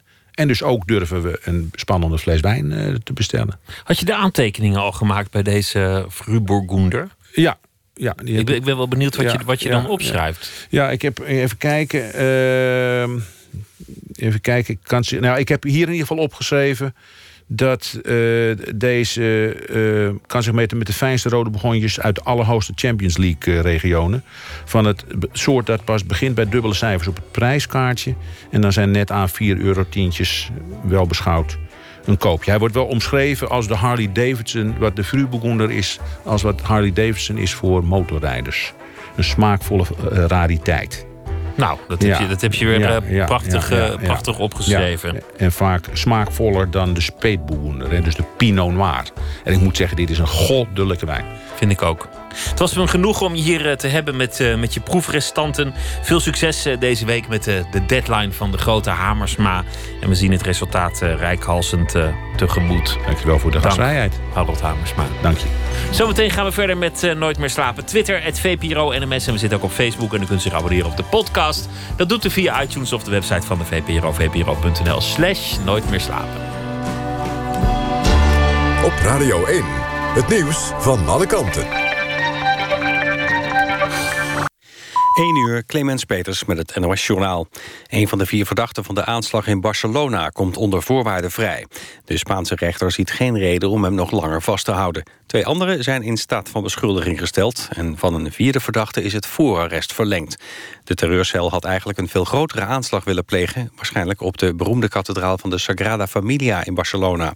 Omdat de explosieven die ze daarvoor wilden gebruiken... al bij de productie ontploften... besloten ze met een busje in te rijden op voetgangers op de Ramblas.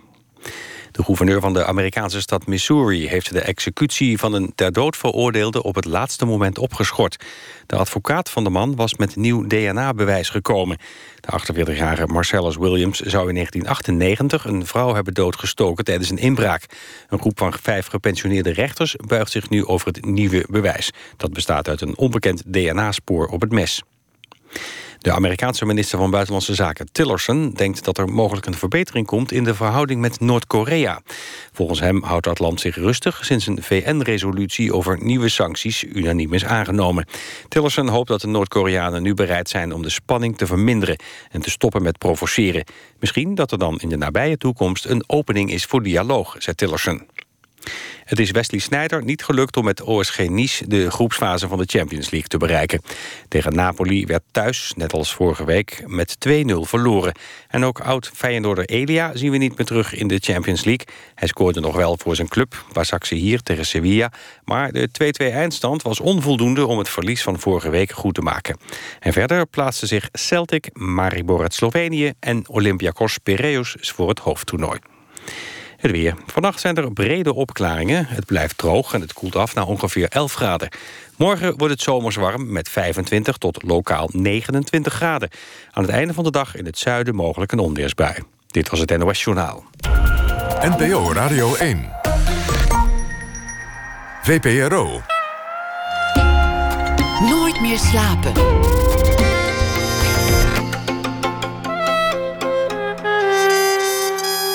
Met Pieter van der Wielen.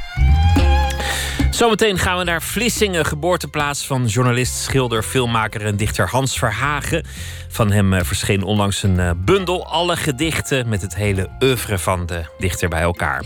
Sopraan Lilian Farahani komt op bezoek, want zondag dan brengt zij in Caprera in Bloemendaal het Openluchttheater een avond met prachtige opera-klassiekers en aria's zoals eh, Die Zauberfleuten en Don Giovanni. Samen met het Nederlands Kamerorkest is dat. Don Duins is deze week onze vaste schrijver. Zal elke nacht een verhaal maken bij de dag die achter ons ligt. Normaal schrijft hij voor theater, film, televisie en nu dus ook voor de radio. Don, goeienacht. Goedenacht. De dagen vliegen voorbij en ik ben benieuwd wat jij ervan gemaakt hebt. Ja, zal ik het meteen maar voorlezen dan? Ja, dat is goed. Ehm, het heet Treinpraat, dus dat geeft wel een klein idee. Vandaag had ik mezelf bij wijze van uitzondering getrakteerd op een eerste klas reisje in de Intercity direct richting Rotterdam. Tot mijn genoegen vond ik een plekje in een stiltecoupé. Heerlijk. Zes plekken helemaal voor mij alleen. Ik ging aan het raam zitten en had net mijn IJslandse thriller met inspecteur Erlundur opengeslagen of de deur ging open. Vier krasse zestigers kwamen binnen, beladen met tassen en op luide toon met elkaar pratend. Oh, riep er een, dit is een stiltecoupé, hier moeten we stil zijn. Ach, zei een ander, dat vindt die meneer vast niet erg. Die meneer was ik en ik vond het wel erg. Maar aan mij werd niks gevraagd. En trouwens, als schrijver moet je dankbaar zijn voor alle praatjes die je gratis kan horen. Ook al heb je er niet altijd zin in. Meteen werd ik omsingeld door de praatlustigen. Op alle stoelen werden tassen geplaatst en geopend. Broodjes, thermosflessen en pakken koek kwamen tevoorschijn. Zaken waar dringend over gecommuniceerd moest worden. Koeken, waar heb je die gekocht? vroeg de dikste. Albert Heijn, antwoordde een man met een ruitenjasje en een permanentje. Oh, Albert, hebben ze daar ook van die koeken? Ja, die hebben ze daar ook. God, dat ze die daar hebben. Wat? vroeg het permanentje. Die koeken, zei de dikke. Gek ik ervan. Mijn IJslandse inspecteur uit Grafteken moest geduld hebben. Ik legde mijn thriller terug in mijn rugzakje. Het gespreksthema was inmiddels verschoven van koeken via de stad Breda en casino's naar ziektes, ernstige ziektes. Dat heeft me altijd gefascineerd, hoe graag mensen daar in het openbaar over praten. Ik moet maandelijks een injectie in mijn achterbil, zei de kerel tegenover me. Hoezo? vroeg de enige vrouw in het gezelschap. Vanwege mijn darmkanker. In je achterbil? Ja. En ik wist, hier blijft het niet bij. Nu gaan we het hele verhaal horen. En zo geschiedde. Terwijl de man in broodjes met worst hapte, begon hij aan een zeer uitgebreid verhaal over hoe hij elf jaar geleden altijd enorme buikpijn had en dat de dokter, en dit is een klassieker, niks kon vinden. Zoals de man zelf zei, dus ik me laten testen en nog een keer laten testen, maar nog steeds niks. Zijn medereizigers aten ondertussen enthousiast door, terwijl ik probeerde het gepraat mentaal te blokken, wat niet lukte. Want het ziekteverslag, ik ben nu schoonhoor, was niet een beetje globaal, nee, het bevatte alle details. Waardoor ik me al ziek voelde door er alleen naar te luisteren. Nou, en toen gingen ze dus naar binnen met een slang in mijn...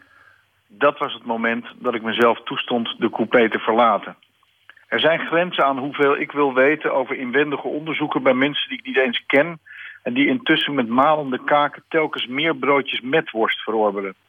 Ik keek naar de grond terwijl ik me naar een ander treincompartiment begaf. Alsof ik iets gênants deed. Natuurlijk baalde ik dat mijn stil leesplezier was verstoord door de praatzieke types. Maar tegelijk was er ook iets hoopvols aan. Hoe slecht het er ook voor staat met de wereld... er zullen altijd mensen blijven die hun meest persoonlijke sores... met liefde en schaamteloos in het openbaar bespreken. En ja, daar kan ik dan weer heel vrolijk van worden. Het verslag van een eh, treinreis. Je koopt ook een keer een eerste klas kaartje en eh, zit En meteen eh, verwijderd van je stilte. Ja, dat zou je altijd zien. Het valt, Ja. het valt mij trouwens op als, als ik langs een trein loop dat, dat zwartrijders altijd maar in de eerste klas gaan zitten. Want die denken, ja, als je dan toch niet betaalt, kan je het net zo goed in luxe doen.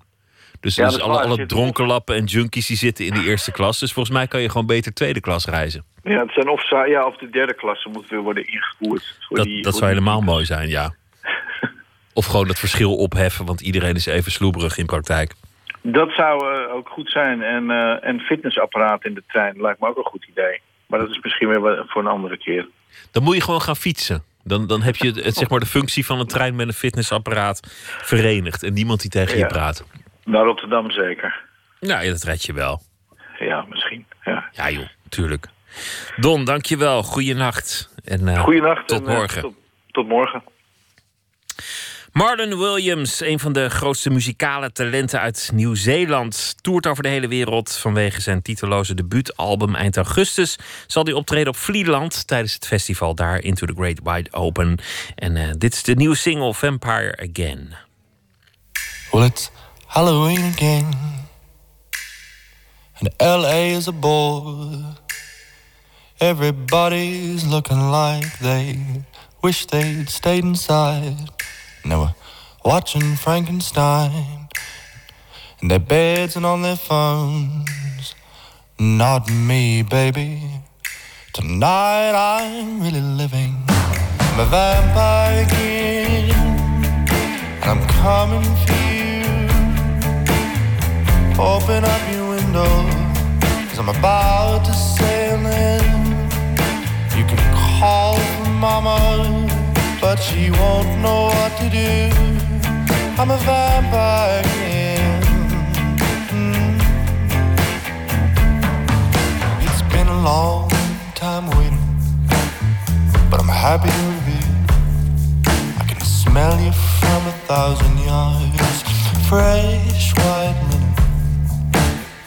Felt like only yesterday I was as weak as Woody Allen. Now I stand as proud and tall as the home you were born. I'm a vampire again, and I'm coming for you. So keep that window open. I'm a swooper and you know it. Cry for mama, but she won't know.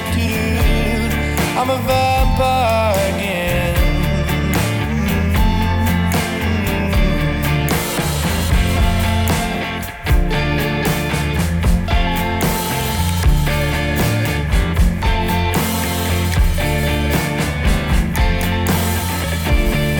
But it's me, babe.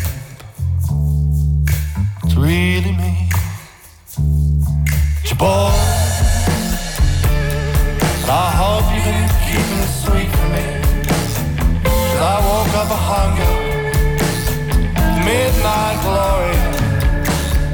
I swear you won't feel a single thing until the year 2025.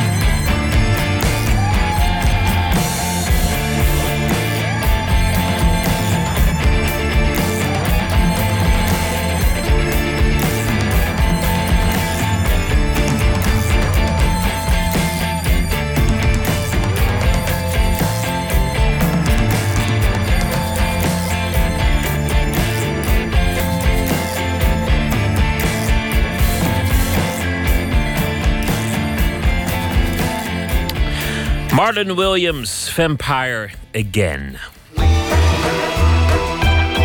Nooit meer slapen. De nieuwe bundel met verzamelde gedichten van Hans Verhagen kreeg de titel Alle Gedichten. En dat is helemaal niet zo overdreven. Joep Bremmers, die eerder al het verzamelde werk van Vinkenoog bij elkaar bracht, ontfermde zich over het hele oeuvre van Verhagen. In overleg met de dichter zelf heeft hij alles bij elkaar gebracht.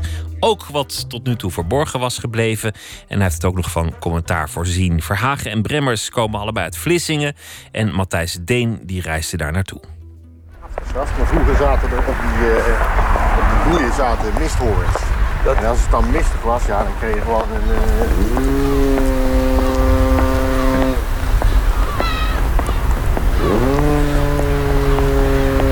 Dat is het geluid wat hij gehoord heeft als kind. Ja, nee, absoluut. Ja, dus de, ja, de, de zee, misthorens, eh, meeuwen. Dat zijn de geluiden van, eh, van de boulevard. Ja. Herinner me niks. Ik ben een korrel en een druppel en ik ben hier nooit geweest. Alleen, is dit nu dood? Ik vind het niks. You never win. Ik wil niet langer worden achtervolgd door de zandverstuivingen van de herinnering. Dan ga ik liever ergens anders heen. En altijd de wind, hè? Ja, weet je nog wat waaien is? Je moet even vertellen, we- want we staan nu onderaan de trap. Ja, dit is de Leeuwentrap. Eh, ja, het is eigenlijk een eh, monumentale trap. Die is aangelegd toen eh, Vlissingen ja, ook badplaats eh, werd. En halverwege de jaren 70, toen is dit gebied helemaal op de schop gegaan. Toen dreigde ook de Leeuwentrap te verdwijnen. En toen heeft eh, Hans Verhagen heeft een, eh, een televisiefilm Trap naar Zee gemaakt. In die film gaat hij eigenlijk aan de hand van een, een oude aanzichtkaart van de Leeuwentrap... gaat hij op zoek ja, naar, de, de, de, naar, de, naar de herinneringen aan de trap. En ja, dat kan je eigenlijk ook... eh, eh, zijn televisiewerk wordt ook omschreven als eh, archeologie van de emotie. En daar is Trap naar Zee is daar bij voorkeur een eh, uitmuntende proeven van. Vlissingen, zwaar bewolkt na regen. Vrij krachtige zuidenwind, 7 graden. Herinnert u zich de Leeuwentrap? De Leeuwentrap, kent u die? De, de Leeuwentrap. Ja, die ken. Ja, ik weet het te mogen allemaal die dingen. Maar vroeger dan liep je van, van de dijk liep je zo op het strand. Dat was gelijk met de, de zand. En dus ging geen gebouwen. En net dan was een, een, een klein houten huisje voor eh, de badgassen. Of voor mensen voor de mensen die de stad die gingen bouwen. Vond u het leuker vroeger? Ja, het was... eh bijvoorbeeld, ik heb in de Kluiversstraat gewoond. En als het zomeravond was, dan zat alles buiten s'avonds rond elkaar. Maar nou was allemaal en dat is allemaal veranderd. Dan moet hier ergens bij die trap moeten er eh, regels van hem zijn. Ja, er ligt hier bovenaan eh, de trap ligt een, eh, een gedicht uitgehouden in steen. Dat staat op het punt om eh, vervangen te worden, want het is helemaal afgesleten. Oh? Dus we kunnen eens even kijken hoe het er nu eh, bij ligt. Oh, dat is hem? Dat is hem. Hij is nog niet vervangen. We moeten even er voorbij gaan zitten. Even kijken, ja. Ehm, in deze doos van Formica plastic zeil broeide de jukebox. Een grauw, een geel, een grom, daar had je het. Je bron van onbestemd verzet. Van snackbar naar snackbar, kris, kras, door de gore nacht gesmeten, bulderde de storm. Zoete reuk van roomijs, walm van smeulend vet. Misschien geen verheven plek, maar hier begon het. Maar u komt er ook bij staan. Ook een... eh, Puur toeval. Matthijs Deen, hallo.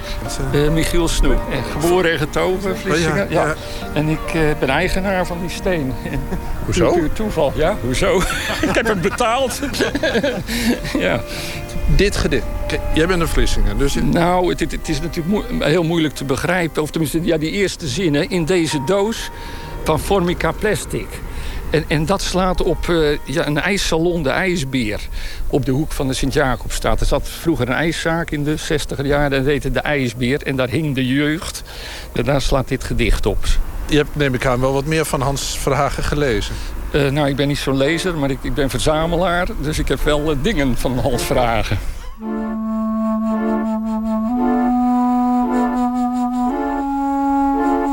Ik ben de maker niet van het gedicht, maar zo ontvankelijk mogelijk, dat wil zeggen, van elke tedere connectie ontdaan, sta ik totaal ter beschikking van wat zich tot mij richt.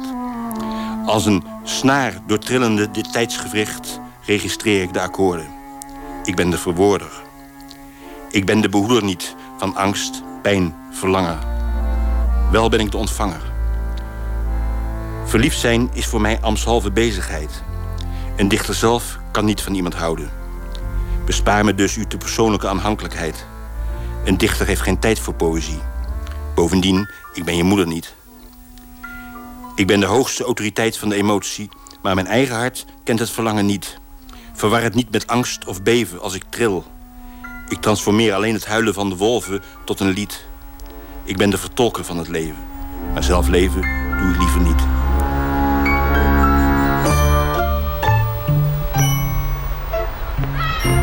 Kijk, je ziet er de horizon, hè. En eh, ik denk dat dat Vlissingen wordt toch voor driekwart omgeven door zee.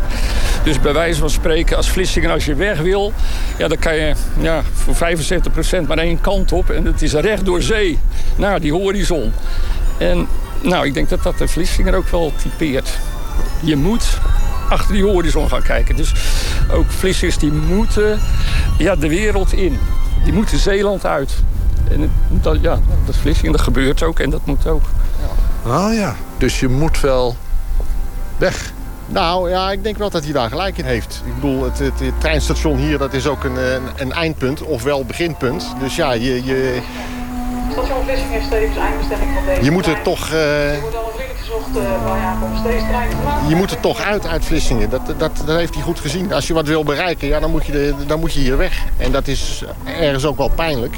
Ja, dat is in het geval van Hans Verhagen natuurlijk zeker ook gebeurd. Hij heeft een keer over Vlissingen nog gezegd van, eh, ja, dat hij... eh, hij vindt het een, een heerlijke stad. Hij zou er niet meer kunnen wonen, maar hij is jaloers op de mensen die dat wel kunnen. En je hebt natuurlijk die enorme tegenstelling tussen de horizon en de stad. Nee, dat klopt. En ik denk zeker in de jeugd van, eh, van Hans Verhagen... eh, toen eigenlijk de, de hele stad nog in, in puin lag. Er, er is één, één huis is onbeschadigd uit de oorlog eh, gekomen... en de rest had schade opgelopen. Ik kan de kogelgaten of de granaatinslagen laten zien. Komt u maar even mee naar binnen. Michiel Snoek, zoals hij zelf al zei, is geen lezer, maar een verzamelaar. Zo kocht hij het ouderlijk huis van Verhagen aan de boulevard. En daar in het marmer ook een inslag. Daar zo een inslag. Kijk, dit in deze houten leuning. Ach ja. Ja, dat is ook niet zomaar een knoes. Dat is een soort uitge... En alle souterrains hier zo, die waren ook dichtgemetseld. Zeg maar vanaf 1942 of zoiets. Dan moest iedereen vertrekken van de boulevard. En het sperrgebied. En datzelfde souterrain, dat is de plek waar Hans later zijn, eh, zijn eerste gedichten schreef. Kamertje. Dus het, het souterrain? Ja, ja, ja. Hier, Ja. oh, dus we, kunnen in de kamer waar hij zijn eerste gedicht geschreven heeft. Ja, als Michiel het goed vindt. Nou, dat is, dat is op eigen risico. Dat is ook begrijpen waarom. Waar kom ik vandaan? Ik wilde je vragen, maar je bent weg voor ik wist wie je was en waar we naartoe gaan.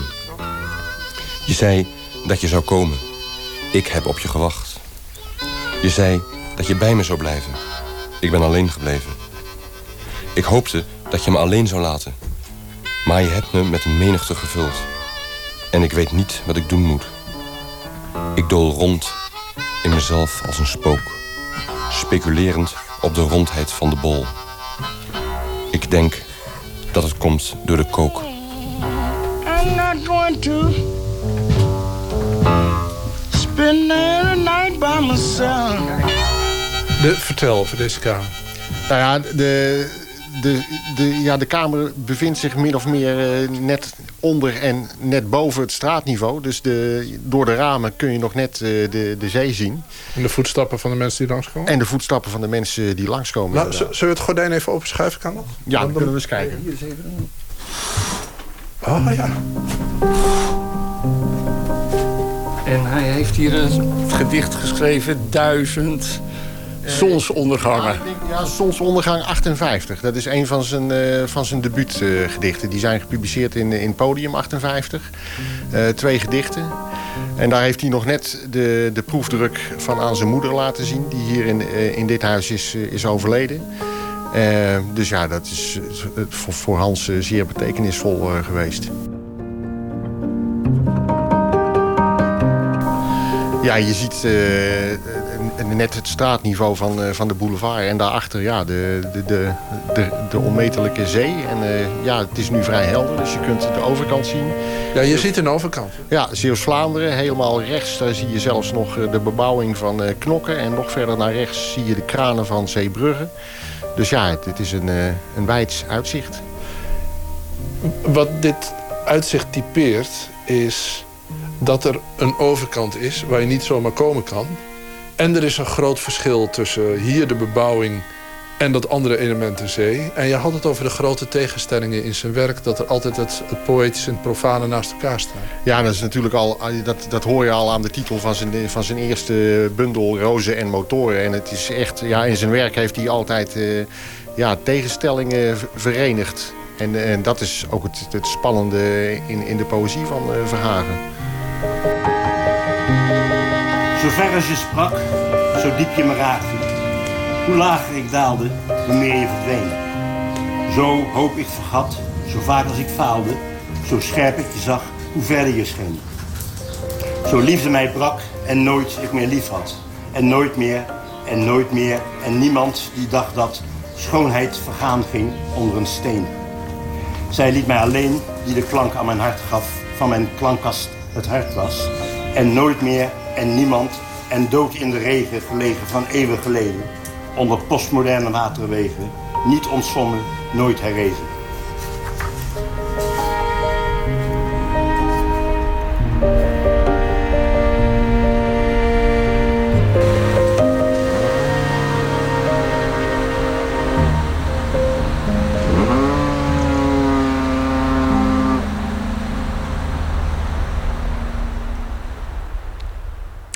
Matthijs Deen die sprak met Joep Bremmers, die het eh, verzameld werk bezorgde van Hans Verhagen. De bundel heet Alle Gedichten.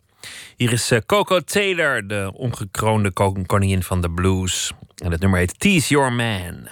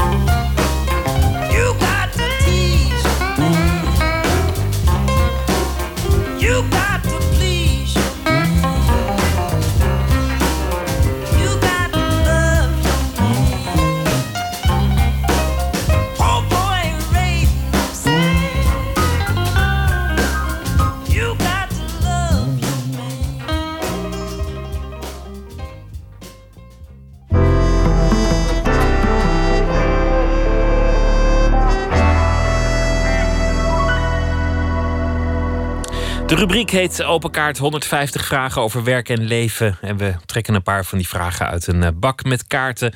Lilian Farahani is eh, te gast. Zij is eh, zangeres. Ze is operazangeres, opgegroeid in Den Haag. Afgestudeerd aan de Nederlandse Nationale Opera Academie. Ze zong in beroemde stukken als uh, Cosi van Toete, Le Nozze di Figaro. En ook hedendaags werk schuwt ze niet. Komende, komende zondag wordt het helemaal leuk in Bloemendaal in Openluchttheater Caprera waar ze samen met het Nederlands Kamerorkest uh, opera-aria's ten gehore zal brengen. Lilian Farahani, welkom. Dank. Wat, wat was je eerste aanraking met, met, het, met het genre, met de opera? Oh, mijn eerste aanraking. Um, ik begon eigenlijk met uh, muziektheater en musical. Waarna ik uh, klassiek zangles ben gaan nemen, omdat mensen vonden dat mijn stem daar wel geschikt voor was. En zover ik me kan herinneren, heb ik toen ook voor het eerst mijn, mijn eerste opera's echt bewust gezien. Toen was ik zo 14, 14 of zo. En ik weet wel nog dat ik dacht, uh, ondanks mijn grote passie voor zingen en de drang om op het podium te staan, dacht ik, ja, maar in dit ga ik nooit. Zoiets doe ik nooit. Zo'n opera. Dat lijkt me echt niks. Waarom dacht je dat? ja, dat weet ik niet. het, uh, Vond je het wel mooi? Ja, ik vond het heel mooi. Ik, ik ben opgegroeid met uh, klassieke muziek en instrumenten. En, uh, dus het was me niet vreemd, maar op de een of andere manier vond ik het toch heel abstract. En, uh, en ik was gewoon, ja, ik was een tiener en het, het was allemaal niet, niet vlot genoeg of zo. Maar ik heb mijn idee inmiddels wel bijgesteld.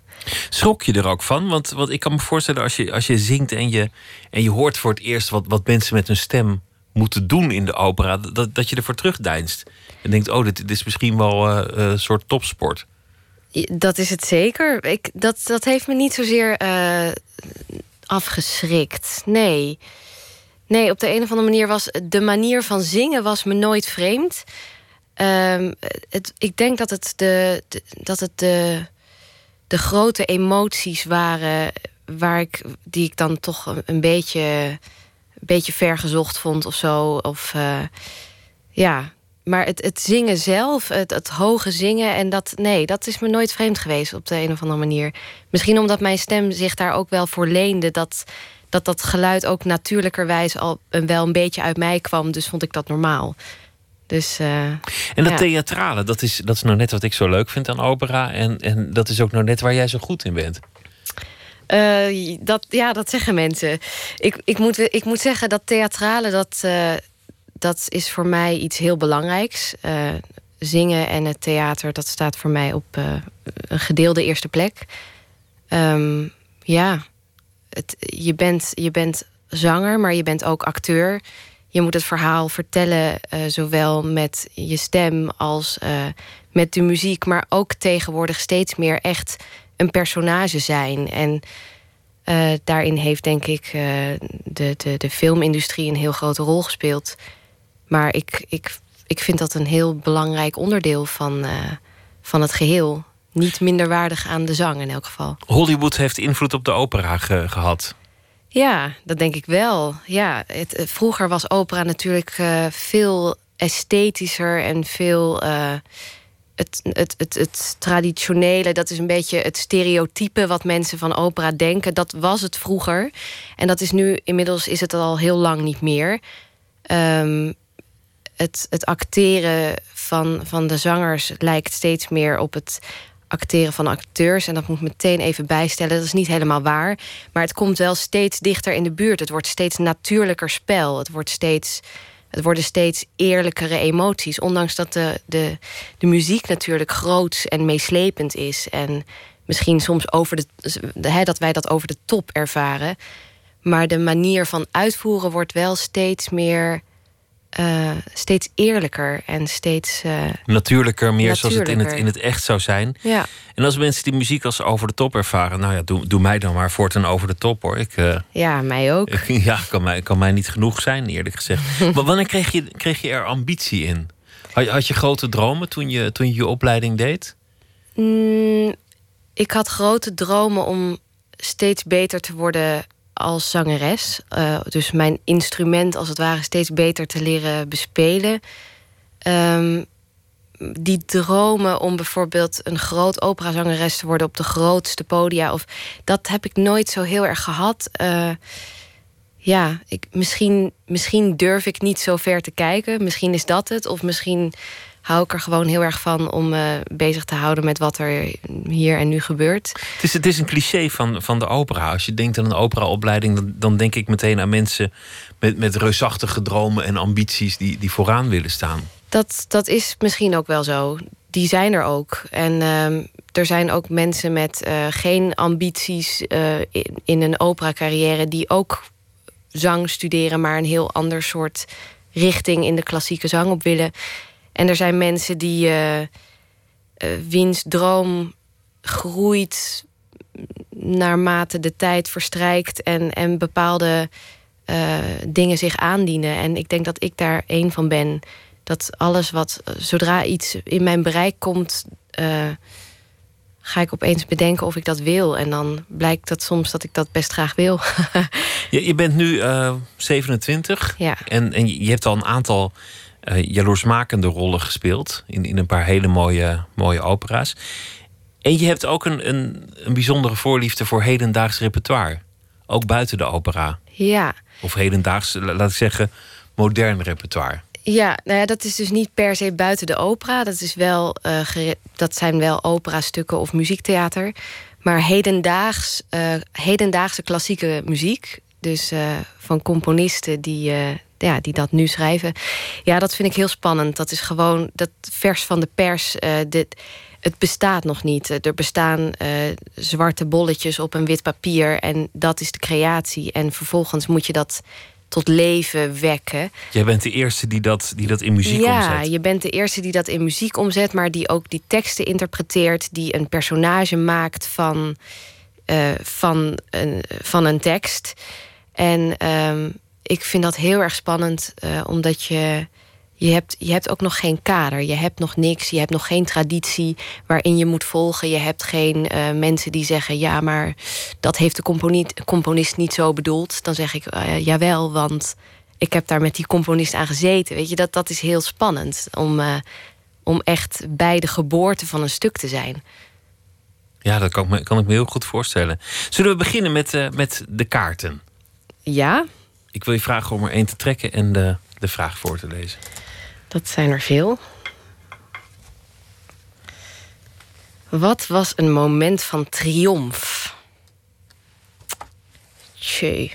Um, een moment van triomf. Uh, ik, ik zou. Ik denk dat ik eigenlijk. Ja, ik heb eigenlijk heel veel triomfmomenten wel meegemaakt. Uh, vooral op het moment dat ik zelf, dat ik bijvoorbeeld uh, auditie deed voor de Opera Academie en het idee had, nou, dat is een heel gewilde opleiding en, uh, en je stapt altijd daar binnen met een idee van, nou ja, ik zal het wel niet worden. En dat je opeens wordt toegelaten en dat ze zeggen van ja, maar over jou waren we het eigenlijk wel meteen eens. Nou, ik heb geloof ik, ik heb echt zo geschreeuwd aan de telefoon toen ik dat telefoontje kreeg. Heel, heel kinderachtig, maar dat was wel echt een soort, ja, een enorme bevestiging en uh, voor, voor hard werken van uh, het harde werken van de jaren daarvoor. Dus ik denk dat dat misschien wel een groot triomfmoment was. En daarna nog vele mooie rollen, mooie zalen, goede dirigenten, ga, ga maar door. Maar ja. hier, hier begon het toch. Zullen we nog een vraag uh, doen? Nog een vraag. Heb je ooit een heldendaad verricht? Ah. Jee, wat, wat een moeilijke vragen. Uh, een heldendaad. Een heldendaad. Nou, uh, ik heb geen idee. Heb op het podium natuurlijk wel, met enige regelmaat? Ja, met het, op het podium, oké. Okay. Nou ja, goed. In is dat rollen, dan een, dat, dat zijn, is dat dan, zijn grote helden vaak, hè? Ja, ja. Nee, is het... Oké, okay, dat is een heel relatieve heldendaad. Ik bedoel, uh, ik, heb niet, uh, ik heb geen bergen bewogen en, en de mensheid gered of zo. Maar um, ik herinner me... Een van, dat was nog toen ik musicals uh, zong. voordat ik überhaupt zangles had genomen... of misschien dat ik één jaar zangles had... zat ik in een musicalproductie... waarbij we de grote finale... het was een Into the Woods... En in, eh, in de grote finale moesten alle personages, wat een heleboel personages zijn, in ritmisch, eh, in de muziek, ehm, één voor één het podium opkomen om een lijntje te zeggen. En, ehm, maar goed, als iemand, als iemand verkeerd had geteld of zo, dan, nou, dan kwam de volgende dus ook te laat of te vroeg. Of, en zo ging dat door. En dan kwamen er twintig personages. En ik had op een gegeven moment in de gaten dat iemand zich had verteld. En ik, ik heb toen stug doorgeteld, terwijl er nog acht of negen personages voor mij dat podium op moesten om hun lijntje te, te zingen of te zeggen. En eh, uiteindelijk heb ik het ergens recht getrokken. ehm, waar de dirigent mij heel dankbaar voor was. Want die, kon het, die had het niet meer in de hand en die kon het niet. Toch de avond eh, gered. toch een soort de avond gered. En ik was, ik, nou ja, ik was zelf nog een ukkepuk en zat helemaal niet in een vak. En dat was wel, eh, dat was wel een soort eh gloriemoment. eh, en een, volgens de dirigent een echte heldendaad. Want stel je voor dat het orkest en de zangers aan het einde van de finale niet gelijk zijn. Dan is toch, dat is toch verschrikkelijk voor de mensheid. En dat heb ik voorkomen. Nou, dat, dus dat, is. dat is, je hebt, ja, dat is een heldendaad. ja. Kom, we trekken nog een kaart. Wat waardeer je in je vrienden? Dat vind ik een goede vraag. Ehm, ik waardeer in mijn vrienden. eh, een gemak en ehm, onvoorwaardelijkheid. En vooral ook eh, niet te moeilijk doen. Ehm, bijvoorbeeld. eh, het kan wel eens voorkomen dat je, dat je elkaar gewoon een hele tijd uit het oog verliest. En, eh, en dan waardeer ik het heel erg dat, dat je iemand gewoon na maanden weer eens een bericht kan sturen en de draad kan oppakken. En dat die persoon er nog, er nog altijd voor je is en andersom ook. En, dat er niet eh, meteen verwijten zijn ja, of, eh, absoluut. Ja. of onmin. Ja. Dat, en dat ze, dat ze je een spiegel voorhouden als het nodig is. Eerlijkheid. Ja, ik denk dat dat heel belangrijk is. En zeker in ons vak, eh, met al die eh, theatrale persoonlijkheden, moet je soms even, even teruggefloten worden. En daar zijn je vrienden heel goed voor. Laten we nog een, eh, een, vraag doen. Heb je geworsteld met je seksuele geaardheid? Eh, nee, daar heb ik niet echt mee geworsteld. Ga ik heel eerlijk zijn op de radio? Ja, hoe eerlijk ga ik zijn? Eh, ik, eh, ik heb niet geworsteld met mijn seksuele geaardheid, nee. Ik heb wel bedacht dat, eh, dat, dat of je op mannen of op vrouwen valt, dat dat eigenlijk ook een kwestie is van een, hoe we geïndoctrineerd zijn. Dat is wel iets wat ik geloof. Dus dat een andere mindset of een ander soort geïndoctrineerd zijn ehm, zou kunnen betekenen dat je ook in principe open zou staan voor je eigen geslacht. Maar dat je misschien wel een sterke voorkeur hebt voor eh, een van de twee geslachten. Maar dat de ander niet per se een soort eh, taboe is of zo. Of een soort, nou, daar, dat, Nee, dat ik- nooit. Ik denk dat je daar gelijk in hebt. Want alles heeft een keer bestaan in de geschiedenis. Precies, nee, maar dat, dus dat geloof ik, eh, dat geloof ik wel. Dat het, eh, Ben je wel eens heel erg verliefd geweest op iemand van je eigen geslacht? nee, dat niet. Nee. Ik, ik kan me wel aangetrokken voelen tot iemand van mijn eigen geslacht. Dat ik, dat ik denk, jee, wat ben jij een prachtige vrouw, bijvoorbeeld. Of, maar nee, nee, verliefd. Ik, dat, ik geloof dat ik toch wel echt, eh, dat ik dat alleen op mannen word. Op die manier. Ja. Laten we nog een, laten we nog een vraag doen. ik zie je echt moeilijk kijken, alsof het... Nee, eh, nee ik, vind dat, ik vind dat heel natuurlijk wat je zegt eigenlijk. Ja, ja, maar het is, dat- Kijk, er, er zijn stammen geweest waar alle mannen het met de mannen deden... en de vrouwen het met de vrouwen. Of waar alle mannen de kinderen opvoeden. Of Ja. elk- elke mogelijkheid heeft ooit wel eens ergens in een cultuur bestaan. Ja, absoluut. Nou ja, en ik, ik vind het gewoon heel interessant om eh, bij jezelf te onderzoeken in hoeverre je van je, van je eigen eh, geïndoctrineerde idee kunt afstappen en, en ja, open staat voor, voor nieuwe ideeën. Dat wel. Maar goed, ik heb inmiddels al een Ja. vraag. In welke film zou je willen spelen? Oh, ehm, in welke film zou ik willen spelen? Ik denk in Pocahontas. En dan zou ik heel graag eh, Pocahontas zijn natuurlijk. Die zingt hele mooie liedjes. En eh, dat is een hele dappere vrouw. En eh, ja, eh, dat is het eerste wat in me opkomt. En, ehm, en anders graag in een film van eh, Woody Allen. Ja, dat is ook leuk. Dat, eh, ja.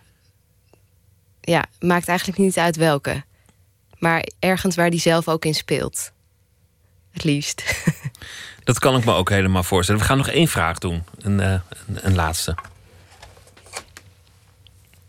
Wat is je favoriete personage uit boeken, films of theater? Toepasselijk.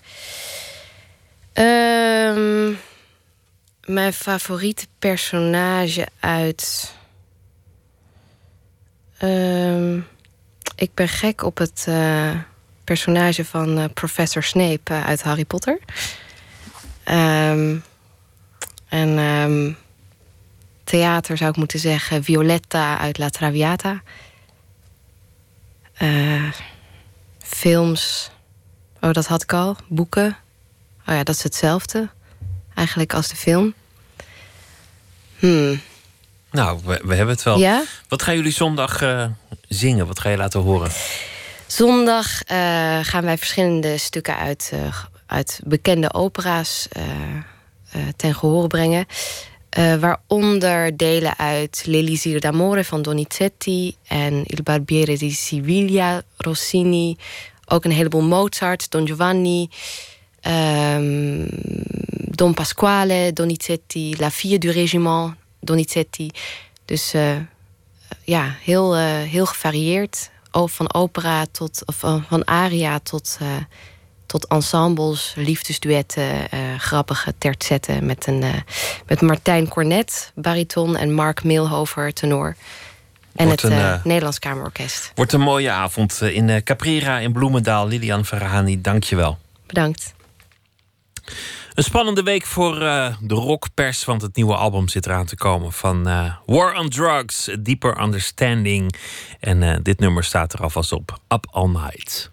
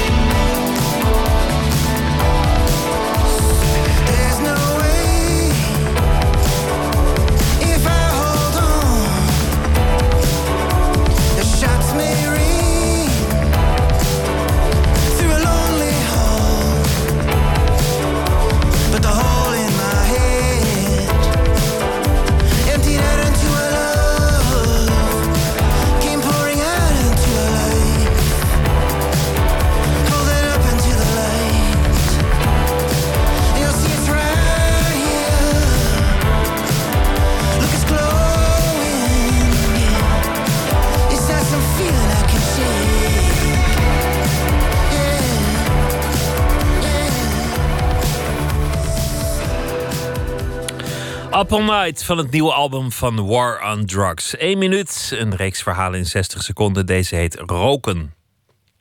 Pst, één minuut. Ja, ik ben met roken gestopt en dat doe ik voor mijn gezondheid. Die keel die blijft gewoon een beetje verrot, zal ik maar zeggen. Maar nu begint hij langzamerhand toch wel bij te komen. Ik kan nu weer door de telefoon praten. Ik hoest praktisch niet meer. Ik heb last van geheugenverlies, maar het roken zorgt dat het nog erger wordt. Het tast je hersencellen aan, dat weet ik. Asbakjes zijn allemaal weg. Er nog maar één. Ik heb ze allemaal kapot laten vallen per ongeluk. Het is over, niet meer. Ik geef mezelf een hondje cadeau. Dus ik, eh, dan ga ik weer lekker wandelen en zo. Dan ben ik weer lekker bezig. Het leven lacht me weer toe. Ik ga lekker mijn auto schoonmaken. En dan ga ik even de lucht eruit halen. Want die stinkt als de hel, die auto. Nu ruik ik het. Het geeft problemen. Nu heb ik af en toe nog even zo van... En dan pak ik zo'n pilletje weer. En dan is het weer over. Ja, een heel ander stuk leven ben ik nu tegemoet aan het gaan. Ik zie er straks weer net zo mooi uit als destijds toen ik een jaar gestopt ben.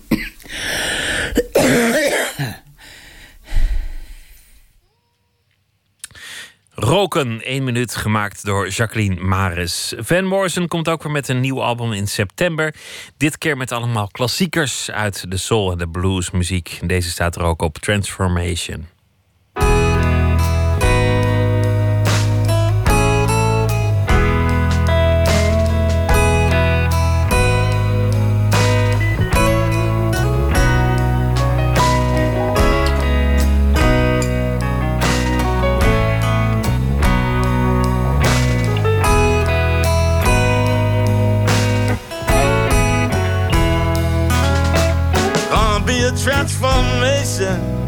Your heart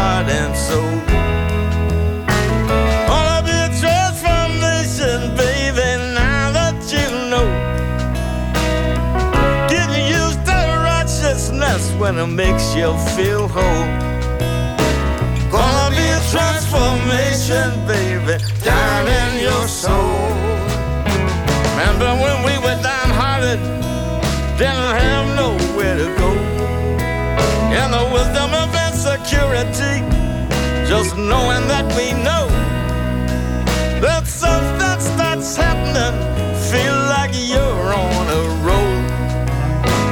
Gonna be a transformation,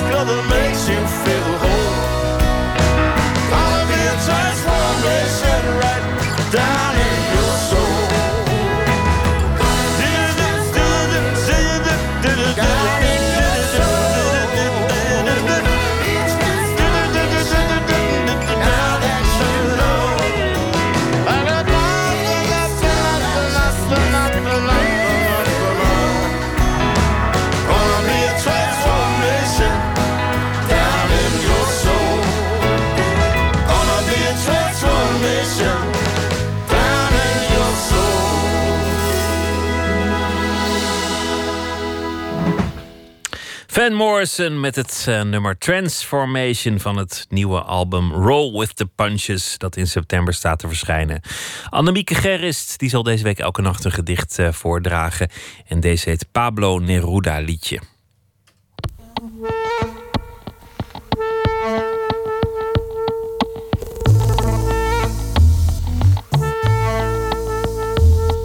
Is de achtertuin volgroeid?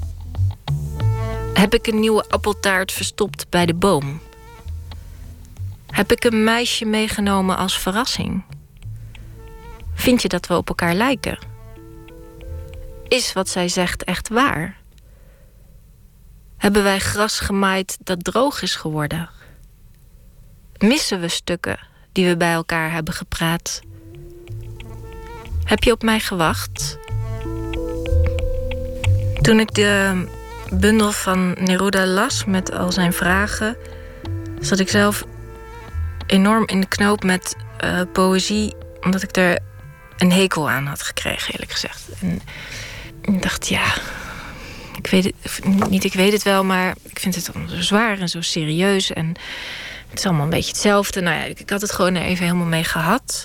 Toen las ik deze bundel met al die vragen waarmee hij alles zo erg op, op scherp stelde. Dus zowel de inhoud van zijn gedichten als de poëzie. Want elke regel is een vraag. Dus hij bevroeg werkelijk alles. En op de een of andere manier gaf me dat weer lucht en licht om, om verder te gaan met mijn schrijven. Ik lees het gedicht nog een keer. Is de achtertuin volgroeid?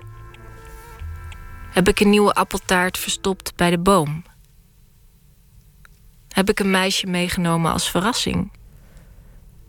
Vind je dat we op elkaar lijken? Is wat zij zegt echt waar? Hebben wij gras gemaaid dat droog is geworden? Missen we stukken die we bij elkaar hebben gepraat? Heb je op mij gewacht?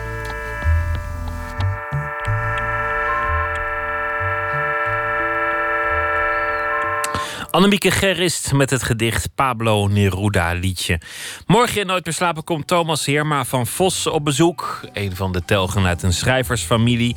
Debuteerde al in 2009 met de Allestafel. En nu heeft hij een nieuw boek, De Plaatsvervangers. Essays over muziek, persoonlijke muziekverhalen. Het gaat over de artiest, de bewonderaar, de toeschouwer... en ook over de schrijver zelf. Dat allemaal morgen in Nooit meer slapen. En voor nu wens ik u een hele goede nacht. En veel plezier zometeen met uh, Omroep WNL die op deze zender verder gaan. Tot morgen. Goeienacht.